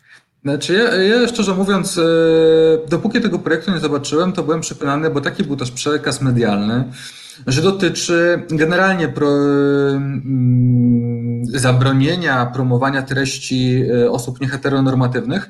E, tak też bodajże Orban zrobił, to znaczy on zabronił promocji w ogóle tych treści, z tego, z tego co gdzieś tam czytałem, natomiast też tutaj w, w szczegóły nie, nie wchodziłem. Natomiast Nasza ustawa, znaczy nie daj Boże nasza, którą złożyła pani Godek mm, w Sejmie jako przedstawiciel Komitetu Inicjatywy Ustawodawczej, dotyczy tak na dobrą sprawę e, zmiany prawa o zgromadzeniach oraz ona, tutaj jest nazwa niektórych innych ustaw, a niektóre inne ustawy to tak jest naprawdę, bodajże z tego co pamiętam, e, ustawa o ochronie symboli narodowych, czyli tam o godle i o różnych, różnych innych rzeczach.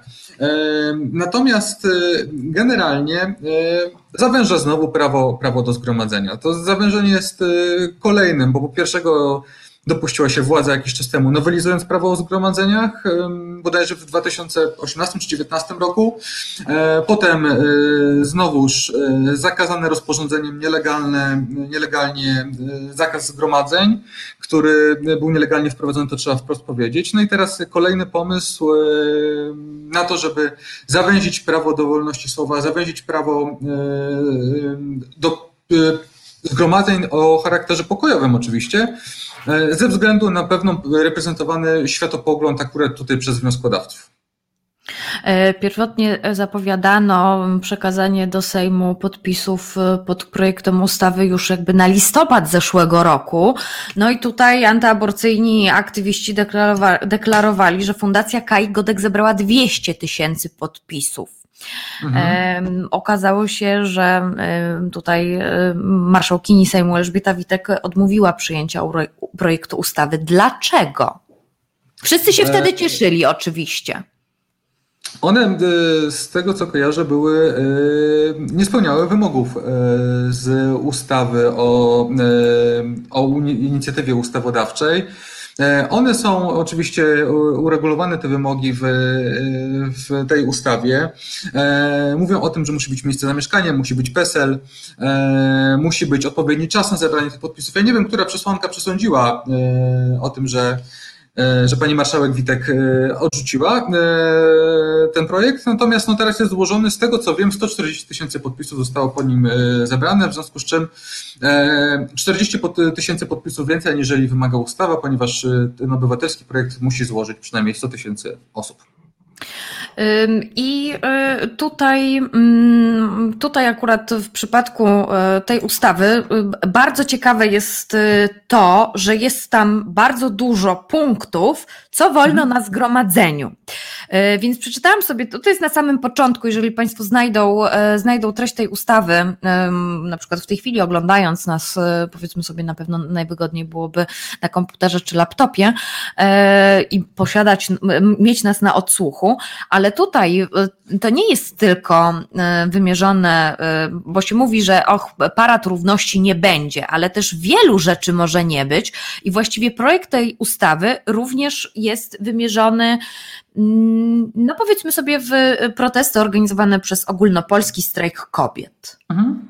E, Ja może zacznę od zupełnie innej rzeczy, za chwilę tutaj wrócimy, bo to jest, e, Okej. o czym redaktor mówi, to jest rzecz w ogóle fundamentalna, ale ja przeczytałem ten projekt, e, troszeczkę tam się znam na legislacji powiedzmy, e, e, jakieś artykuły i książki na ten temat popełniłem i powiem szczerze, jak ja to czytałem, e, to ja muszę powiedzieć, że to jest tak źle napisana ustawa, to jest taki bubel prawny, że to po prostu woła o pomstę do nieba. Na przykład, przy, przykłady.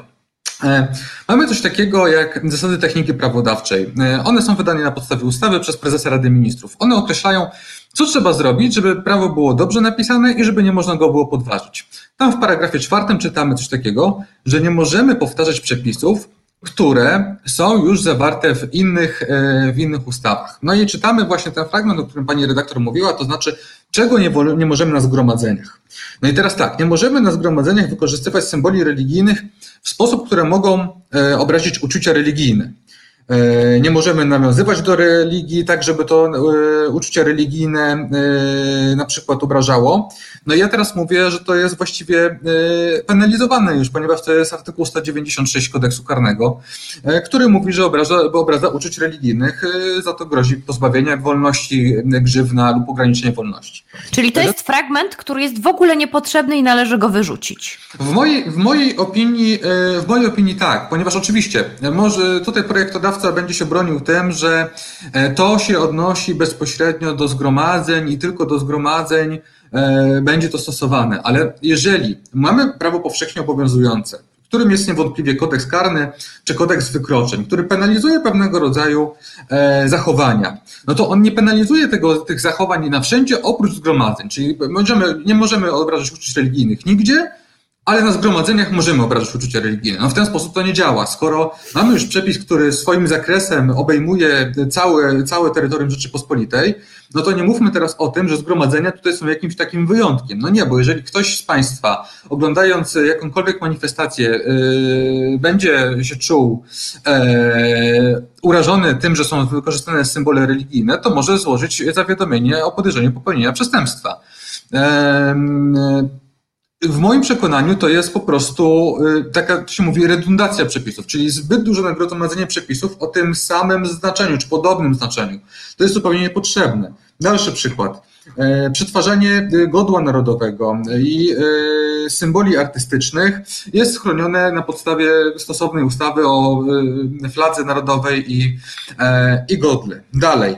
E, uczestniczenie w przebraniach o erotycznym lub seksualnym charakterze e, lub nago, e, nago uczestniczenie. Znowuż mamy kodeks wykroczeń, artykuł 51 to jest zgorszenie, pod to podchodzi, albo nieobyczajne zachowanie, to jest artykuł 140 kodeksu wykroczeń. To jest, tych przykładów można oczywiście mnożyć, ale dla mnie to jest jakieś takie zupełnie niezrozumiałe, ponieważ oczywiście mamy wolność zgromadzeń, ale to nie znaczy, że na tych zgromadzeniach mamy e, zupełnie wolność Tomku w swoim domku, ponieważ nadal, jeżeli łamiemy prawo, policja może zainterweniować, może e, zgromadzenie rozwiązać, może nas ukarać, może skierować wniosek do sądu. E, kolejna perełka, którą tutaj, tutaj znalazłem, to jest zmiana w artykule 26 bodajże obowiązującego prawa o zgromadzeniach i projektodawcy mówią tak, że pewne przepisy nieważne stosuje się E, odpowiednio i od razu wytłumaczę. W, prawie, jeżeli mamy na przykład dwie instytucje, na przykład e, na podstawie prawa o zgromadzeniach. Mamy zgromadzenia zwykłe, rejestrowane i zgromadzenia spontaniczne. Jeżeli przepisy e, odnoszą się do zgromadzeń zarejestrowanych, bezpośrednio, tak, ale chcielibyśmy je także, żeby były do zgromadzeń tych takich wolnych, powiedzmy, spontanicznych, to mówimy tak, Przepisy takie, takie i takie do zgromadzeń nierejestrowanych czy spontanicznych odnoszą się w sposób odpowiedni. Ok, tak było w ustawie, nie ma z tym żadnego problemu, to jest zabieg jak najbardziej w porządku. Natomiast tutaj projektodawcy mówią tak, że jakieś przepisy się odnoszą odpowiednio, a jakieś przepisy odnoszą się wprost, te, które wprowadzają. I powiem szczerze, jak osoba, która już trochę lat prawem się zajmuje, mam zagwozdkę, co to znaczy przepisy, że odnoszą się wprost, bo dla mnie wszystkie przepisy odnoszą się wprost. Znaczy, czy są przepisy, które nie odnoszą się wprost? Tutaj projektodawca chyba uznał, że jeżeli chce jakiś przepis się odnosi odpowiednio, to jakiś musi się yy, odnosić wprost. Znaczy moim zdaniem to chodziło o taki zabieg wzmocnienia, żeby nikt nie powiedział, że te przepisy nie stosują się yy, do jakichś tam sytuacji, tak, że stosują się wprost. No tylko takich stwierdzeń w ogóle się nie używa w prawie. Ja powiem szczerze, że e, jestem, jestem po prostu, jak to czytałem, to, to naprawdę legislacyjnie, to to jest poziom napisania tej ustawy, to tak po lekcjach WOS-u w trzeciej klasie liceum. No nieuctwo, nieuctwo, po prostu mogliby przynajmniej jakiegoś dobrego prawnika zatrudnić, który by to napisał, taki, który, nie wiem, na studia może jakiś skończył albo coś. Nie, może w Ale... Ale w tymże projekcie jest jeszcze y, tutaj nawiązanie, y, które mm, oczywiście y, jest interesujące a propos samego mm, słowa małżeństwo, tak? I Mhm. takiego umocowania w prawie, bo cel zgromadzenia nie może dotyczyć kwestionowania małżeństwa jako związku kobiety i mężczyzny. Mhm. Także, także to też, czy właśnie no, co z tym słowem kwestionowanie w takim wypadku? Bo. Mhm.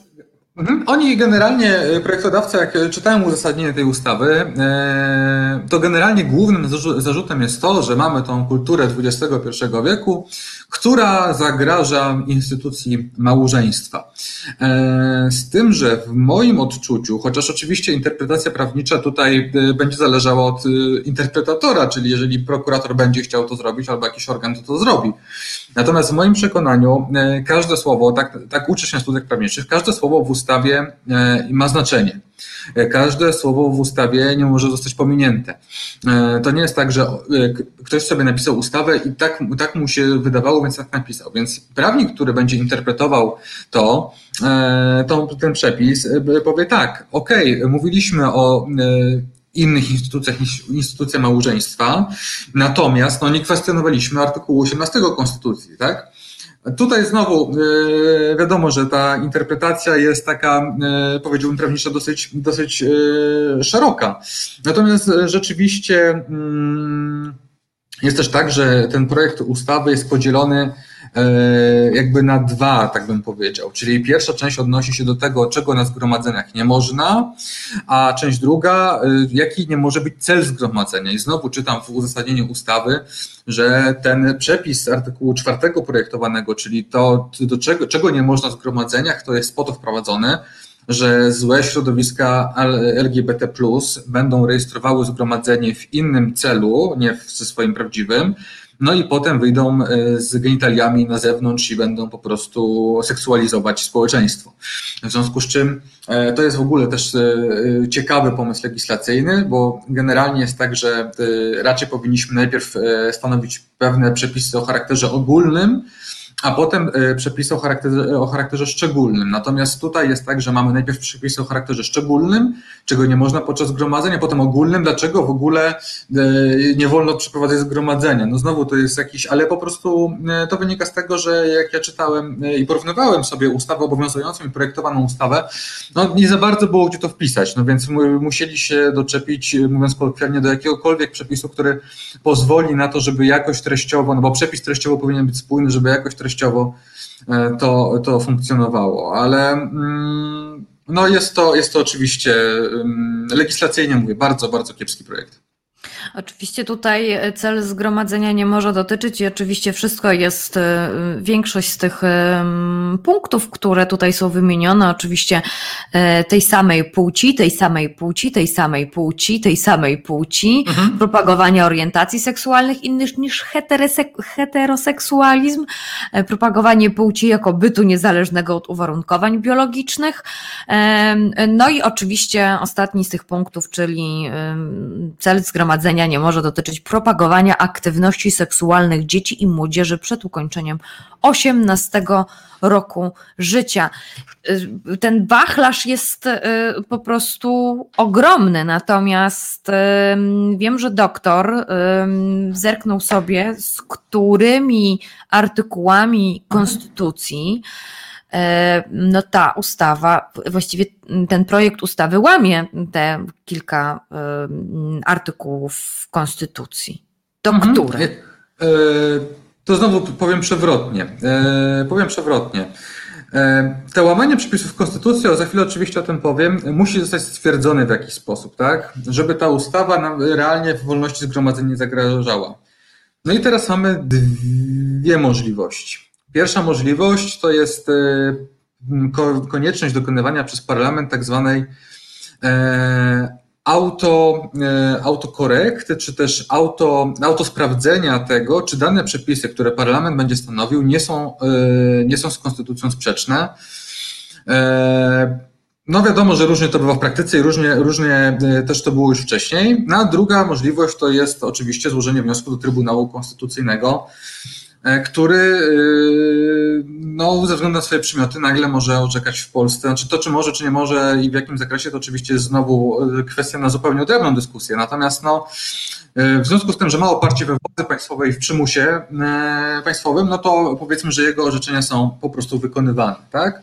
Więc oczywiście już mówię o tych artykułach, natomiast chcę zwrócić uwagę, że wtedy, kiedy większość prawników krzyczała, że niedobre rzeczy się dzieją z Trybunałem Konstytucyjnym i przepraszam, ale spójrzmy wprawdzie w oczy, zaczęła to PO, Eee, oni, oni to zaczęli, bo chcieli wybrać sędziów pięciu, a mogli tak naprawdę dobrą sprawę trzech, trzech. Tam było potem orzeczenie Trybunału, wtedy jeszcze konstytucyjnego.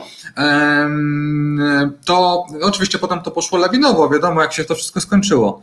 Eee, natomiast no, ta dyskusja, którą będziemy toczyć za chwilę, no myślę, że niestety ma pewien rodzaj dyskusji akademickiej, tak? Bo nie widzę w Polsce chwilowo organu, który tą niekonstytucyjność może stwierdzić, e, ale jest szansa taka, dopóki e, organy międzynarodowe, e, jeszcze mamy konwencje podpisane, międzynarodowe o ochronie praw człowieka, czy Europejską Konwencję o ochronie praw człowieka, no to tutaj jest taka szansa, żeby ewentualnie swoich praw dochodzić na, na gruncie prawa międzynarodowego, tak, w trybunałach międzynarodowych. Natomiast nie wiadomo, jak to się dalej będzie toczyło. Oczywiście sprawa jest, e, sprawa jest w toku politycznie, no to wiadomo. Jeżeli chodzi o sprzeczność. Mhm. Przerwę, przerwę tutaj, e, bo mhm. mamy akurat, e, bo mamy akurat no, ciekawe komentarze.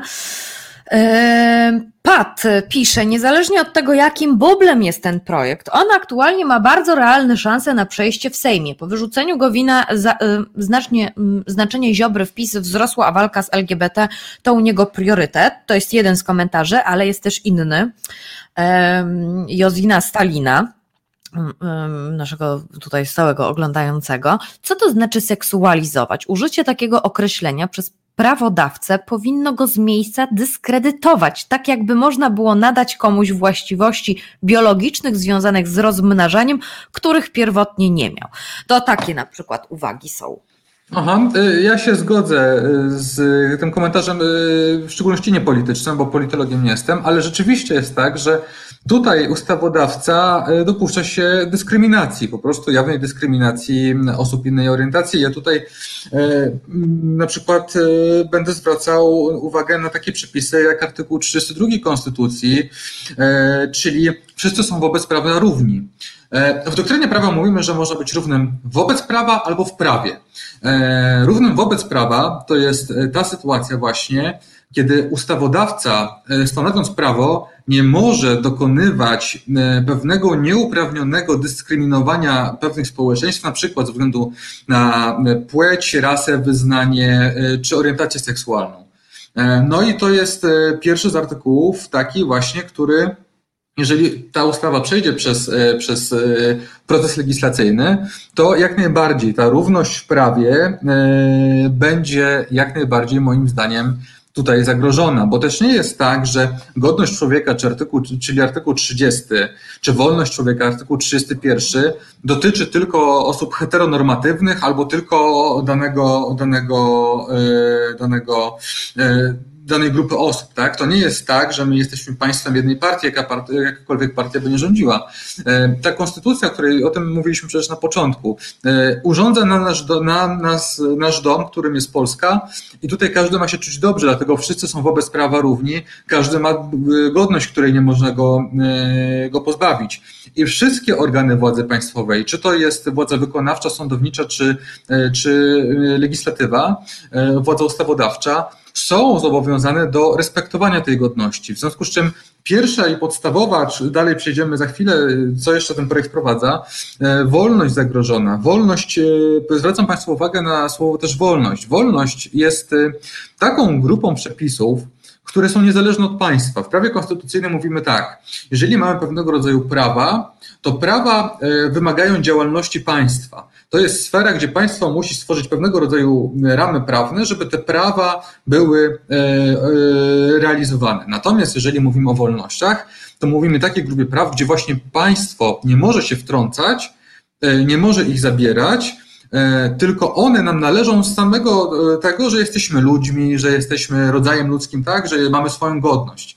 Dlatego mówimy w prawie konstytucyjnym, że godność należy każdemu, ale to, że to jest w prawie pozytywnym mówimy, czyli tym napisanym, to nie znaczy, że jeżeli byśmy tego nie mieli napisanego w konstytucji, to tak by nie było. Tak jest po prostu, bo taka była myśl oświeceniowa, która wpływała na nurty konstytucyjne. Także ja tutaj widzę rzeczywiście, zgadzam się w 100% z tym komentarzem, że to będzie dyskryminacja osób o, e, o tych cechach, które tutaj ustawodawca, czy właściwie póki co wnioskodawca nam, nam przedstawił, e, jak najbardziej. Natomiast jest też szereg innych przepisów, które, e, które są zagrożone.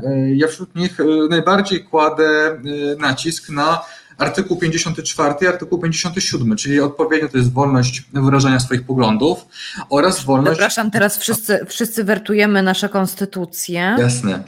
E, nie jest mhm. daleko. To jest rozdział trzeci. Także, e, także e, Artykuł 54 e, mówi o tym, że każdemu zapewnia się wolność wyrażania swoich poglądów. I czy ja te poglądy będę wyrażał poprzez artykuł, który napiszę w gazecie, na Facebooku, Instagramie, czy ja te poglądy będę manifestował podczas zgromadzenia, to władze publicznej nie powinno to interesować, bo o ile, dopóki nie łamie prawa, czyli, a nie łamie prawa też to jest ciekawe, no bo tak ustali, uchwalimy tą ustawę, to powiemy, no ale zaraz, hola, hola, no łamiesz prawo. No yy, okej, okay, w porządku, tylko że te, te, prawo jest z gruntu rzeczy niekonstytucyjne z innymi wartościami, tak? Czyli z właśnie z tą godnością, z równością, z zakazem dyskryminacji, e, z wolnością człowieka, w związku z czym y, oczywiście ustawodawca może sobie ustalić jakieś prawo penalizujące, na przykład wolność religii wyznania, ale o tym też jest mowa w Konstytucji. Tak? Jeżeli on chce e, w jakiś sposób nam ograniczyć wolność zgromadzeń, to powinien ją powiązać z pewnymi rodzajami e, wartości, o których mówi Konstytucja. Artykuł 31, znowu wracamy, ustęp 3 nam mówi tak. Prawa człowieka może, mogą być ograniczone w ustawie, jeżeli po pierwsze nie będą one e, godziły w tak zwane jądro e, tych, tych praw, czyli w, to, w takie sedno tego naszego prawa. Te, taką sytuację mieliśmy w przypadku rozporządzenia z wolnością zgromadzeń. E, umówmy się, że jeżeli rozporządzenie zakazuje nam zgromadzeń albo zezwala na zgromadzenie do pięciu osób, to jest to naruszenie całkowite idei wolności zgromadzeń. Dlatego mówimy o tym, że ono jest bezprawne. I tutaj jest tak samo. E, I oczywiście można w ustawie e, ograniczyć to, to prawo człowieka, jakim, wolność człowieka właściwie, jaką jest wolność zgromadzeń, ale musimy ją powiązać z, jakimś, z jakąś wartością. Ustawodawca konstytucyjny mówi tak, że możemy ją powiązać z bezpieczeństwem lub porządkiem publicznym, bądź ochroną dla środowiska, zdrowia, moralności publicznej, wolnością i praw innych osób. No oczywiście tutaj projektodawca e, mógłby powiedzieć, że to jest moralność publiczna, ale to e, nie działa tak, że to, że papier, drodzy Państwo, przejmie wszystko, tak? Też możemy napisać, że w ogóle nie może być zgromadzeń, bo może być zgorszenie publiczne, bo nie wiadomo, co kto, albo porządek publiczny może być zakłócony, nie wiadomo, co komu przyjdzie e, do głowy. E, także tutaj moim zdaniem te, te ustawy pod tym względem są bezprawne. E, to jest, to jest jedna rzecz. Wracam do tej wolności, do tej wolności wyrażania swoich poglądów. Nie powinna ona być limitowana w jakikolwiek sposób, o ile nie ma jakiejś korelacji właśnie z tymi takimi podstawowymi prawami konstytucyjnymi. To jest rzecz pierwsza. A po drugie, e, jeżeli będzie ona godziła w artykuł drugi, czyli w demokratyczne państwo prawne. My w prawie mówimy, że to artykuł drugi to jest taki worek, z którego można wyjąć każdą zasadę. Rzeczywiście Trybunał Konstytucyjny w swoim orzecznictwie do 2015 roku, mówmy się, rozmawiamy o, o tym czasie, z tego artykułu drugiego bardzo dużo zasad dla demokratycznego państwa ustalił. Ustalił, nie wiem, zasadę zaufania do państwa, ustalił zasadę zaufania do stanowionego prawa, e, zasadę, zasadę ochrony praw nabytych itp. itd. Nie ma co się E, nad tym dalej e, rozwodzić. Ale w moim przekonaniu to jest po prostu pogwałcenie tej idei demokratyzmu, e, na którą powinniśmy patrzeć przez pryzmat naszego całego jakby ustawodawstwa. Czyli to nie jest tak, że artykuł drugi obowiązuje tylko w zakresie artykułu drugiego Konstytucji. On obowiązuje w zakresie całej Konstytucji, ale jest tak ważną zasadą, że obowiązuje również na podstawie w niższym ustawodawstwie. Wiadomo, że jest hierarchia, hierarchia źródeł prawa. Konstytucja jest w nim e, jak najbardziej najwyżej. E, I to jest pryzmat, przez który ustawodawca, uchwalając ten projekt, powinien na nią spojrzeć. Czy spojrzy? No pewnie zobaczymy, to będzie zależało od różnych, od różnych czynników. Drugą kwestią, o której chciałem powiedzieć, to jest oczywiście wolność zgromadzeń. Bo drodzy Państwo, Artykuł 50 mówi tak, każdemu zapewnia się wolność organizowania pokojowych zgromadzeń i uczestniczenia w nich. No i teraz ja mam, żeby nie było, że przeczytałem tylko część przepisu, to dalsza rzecz mówi, ograniczenie tej wolności może określać ustawa. Znowu, powiązanie z jakimiś innymi wartościami ważnymi w demokratycznym państwie prawnym, e, według mnie e, te wartości, które przedstawił nam ustawodawca, nie są wartościami, które mogą wpłynąć na wolność zgromadzeń. On się odwołuje w szczególności do e, artykułu 18, czyli małżeństwa jako związku kobiety i mężczyzny. No i e, koniec rzędem temu, e, kto powie, w jaki sposób zgromadzenie dewaluuje związek kobiety i mężczyzny, znaczy jako małżeństwo. Nie rozumiem tego. Takie, że jeżeli, tak jak środowiska anty-LGBT mogą wyjść na ulicę i protestować, tak samo mogą wyjść pod środowiska LGBT czy o jakichkolwiek innych poglądach, bo nie wiem, czy by była taka sytuacja dla nich też pozytywna i dobra w momencie, w którym by to lewica skrajna doszła do na przykład y, głosu, przejęła i Trybunał Konstytucyjny i władzę ustawodawczą, i by powiedziała tak, no dobrze, no to zakazujemy symboli religijnych w miejscach publicznych, zakazujemy symboli religijnych w miejscach, w których e, się protestuje, zakazujemy e, czegokolwiek innego. Zakazujemy e, pielgrzymek i zakazujemy w miejscach publicznych i zakazujemy powiedzmy tych pochodów na, na Boże Ciało, tak? Tych procesji. Każdy kij ma dwa końce i oczywiście oni w tym momencie e, mają moment. Mówi się. E, no to momencie... godzi teraz w moją wolność, prawda? No Przecież właśnie, ja no mogę. Właśnie, no właśnie. Zawsze Oczywiście. mogłem i teraz co? Mhm, mhm. Oni, oni mają e, teraz, profesor Łętowska kiedyś mówiła o czymś takim, że istnieje coś takiego jak moment konstytucyjny, czyli moment, w którym wszystkie czynniki prawne i pozaprawne tak się składają, że można zmienić konstytucję. U nas takiego póki co nie ma, ale tutaj Myślę, że ta ustawa anty-LGBT ma właśnie taki moment e, ustawodawczy, że e, w bardziej racjonalnym parlamencie, i przepraszam może za to słowo, ale e, racjonalność ustawodawcy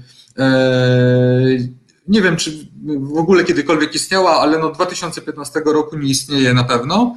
E, to się widzi po przepisach, które są dublowane, które są sprzeczne ze sobą. Ja już nie mówię o e, treści, bo no wiadomo, oni są przedstawicielem narodu, więc mówią, ale te, te przedstawicielstwo, klasyczne przedstawicielstwo, które ty zaczerpnęliśmy z konstytucji francuskiej, nie jest przedstawicielstwem e, bezwzględnym. To znaczy demokracja, jakbym miał ją opisać, to polega na tym, że to są rządy rządy, ale które szanują, rządy większości, która szanuje mniejszość. E, no niestety tutaj jest tego, e, to, z tym jest problem, tak? Bo oni mają oczywiście teraz moment i mogą uchwalić taką ustawę. Myślę, że tak jak tutaj było napisane w komentarzach, jest co do tego jak najbardziej teraz sprzyjająca atmosfera. Natomiast no, te przepisy mm, w gruncie rzeczy w demokratycznym państwie prawnym, moim zdaniem, przez niezależny i niezawisły Trybunał zostałyby e, uznane za po prostu niekonstytucyjne. I to w bardzo wielu punktach i w bardzo wiele wolności godzących. To ja mam jeszcze takie pytanie, bo tutaj mówimy właśnie o wolności poglądów e, i tak dalej, i tak dalej. E, ostatnio mm, jest takie pojawiają się, w zależności od sytuacji, pojawiają się rozmaite argumenty, e, jak właśnie w przypadku e, tutaj e, ustawy aborcyjnej, że praw człowieka nie uzyskuje się przez referendum i tak dalej, i tak dalej. Tak, na, tak w przypadku osób ze społeczności LGBT, mówi się, że homofobia to nie pogląd, więc Niektórzy mówią, że powinna być karana. E, więc jak jest na przykład z e, właśnie prezentowaniem, z konferencją prasową e, organizowaną z dwunastoma pudełkami, ze, ze 140 tysiącami podpisami w homofobiczną, w homofobiczny projekt ustawy i to, to, to się już nie nadaje pod jakieś paragrafy? E, byłbym wstrzemięźliwy, to znaczy e, ja jestem może przedstawicielem takiego nurtu wolnościowego mocno. To znaczy, jeżeli walczymy o prawa dla osób nieheteronormatywnych, to ja bym też chciał, żeby te prawa miały osoby o skrajnie innych poglądach, także o poglądach ultrakatolickich. To znaczy, chciałbym, żeby w naszym państwie i przychylam się do takiej interpretacji też konstytucji, e, było jednak tak, że oni mogą złożyć projekt takiej ustawy, natomiast jeżeli osoby LGBT, czy osoby popierające aborcję chciały złożyć projekt ustawy liberalizujący prawo aborcyjne albo e, liberalizujący prawo dla osób nieheteronormatywnych, to żeby też mogły zrobić taką konferencję. Jesteśmy w jakiejś przestrzeni wspólnej. Jeżeli my teraz zaczniemy e, przechylać szalkę na drugą stronę, że w nasze prawa to godzi, ale e, nie chcielibyśmy oglądać e, konferencji, nie wiem, biskupów na temat zarodków albo konferencji na temat ustawy antyaborcyjnej, to w ich prawa, w prawa tych ludzi to też będzie godziło. E, zróbmy w ten sposób, że i my możemy złożyć projekt ustawy, i oni mogą złożyć projekt ustawy, i osoby, które e, w jeden, e, w każdą stronę mogą, może to działać, tak? Grunt jest taki, żeby nie naruszyło to wolności, wolności innych, innych osób. Ja się zawsze posiłkuję powiedzeniem jednego z filozofów, który mówi: Moja wolność kończy się tam, gdzie zaczyna się wolność drugiego człowieka. John Stewart. O nie, to nie jest John Stewart. Nie, to był yy, yy, Alexis de yy, Tocqueville, coś takiego. Tak. Yy, w każdym razie yy, Chciałbym, żeby to w ten sposób wyglądało i ja bym nie chciał zakazywać im możliwości złożenia inicjatywy ustawodawczej. Jeżeli oni mają taką inicjatywę ustawodawczą, jeżeli spełniają przesłanki e, prawne do tego, okej, okay, niech składają, ale niech takie same szanse mają osoby e, z każdego innego poglądu, walczące o prawa osób niepełnosprawnych, e, walczące o prawa innych osób. No, nie, na bieżąco zajmuje się o, sprawą osoby, która e, walczy o przyjęcie na uczelnię, bo nie zostało to powiedziane wprost, ale to były studia lekarskie e, i ta osoba ma autyzm.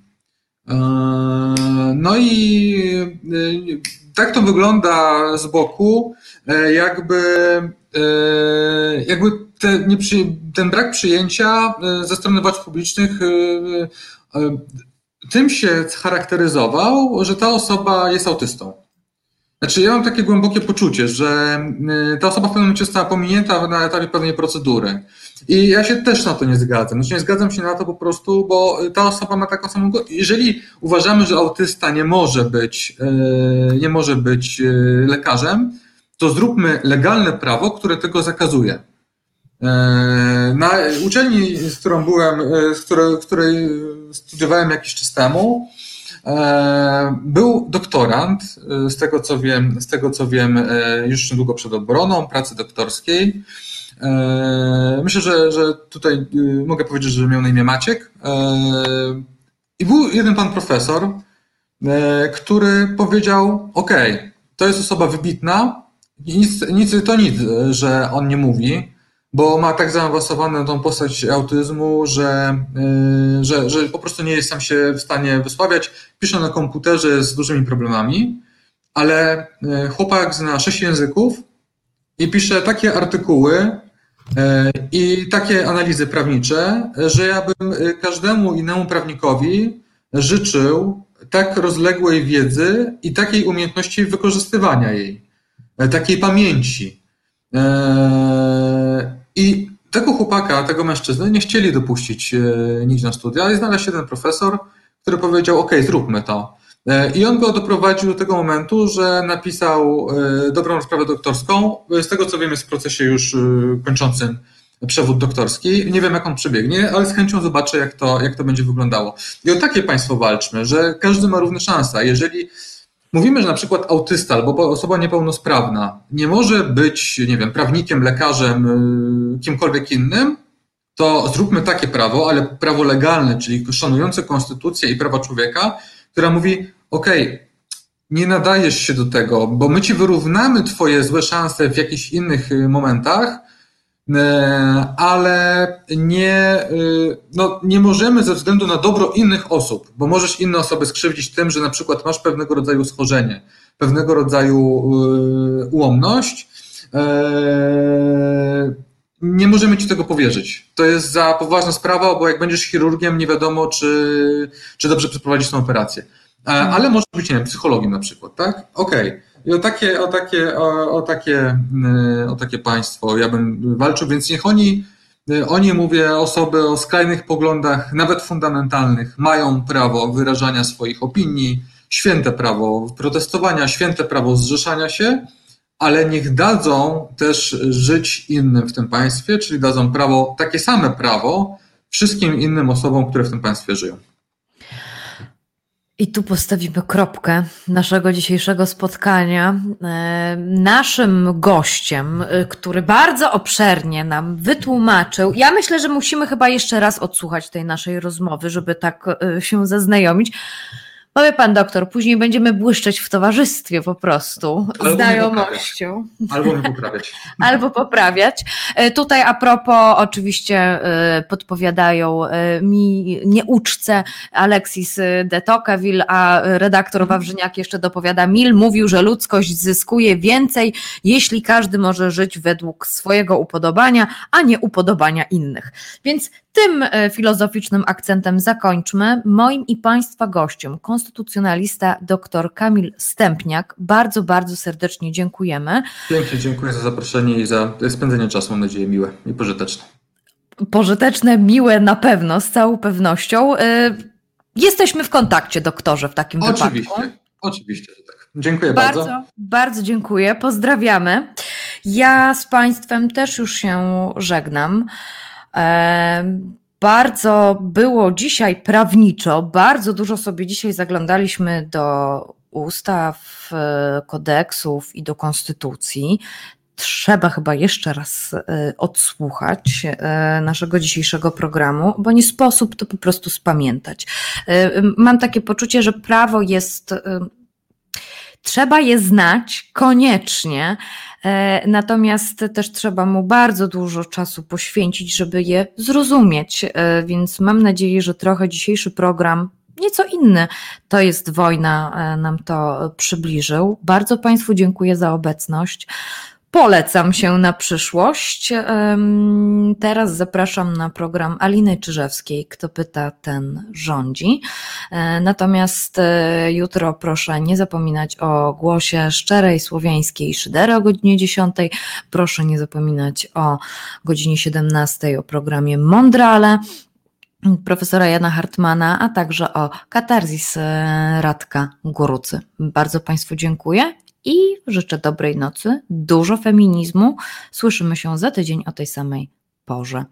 Dziękuję również Adamowi z Rivi za mm, być producentem dzisiejszego programu To jest wojna i oczywiście Krzysztofowi, który czuwał nad tym, żeby wszystko było na tip-top. Dziękuję bardzo e, serdecznie. e, Dobranoc. Reset Obywatelski. Podobał Ci się ten program? Reset to medium obywatelskie, którego jedynymi sponsorami jesteście Wy, odbiorczynie i odbiorcy. Wesprzyj nas na zrzutka.pl i pomóż budować niezależne medium.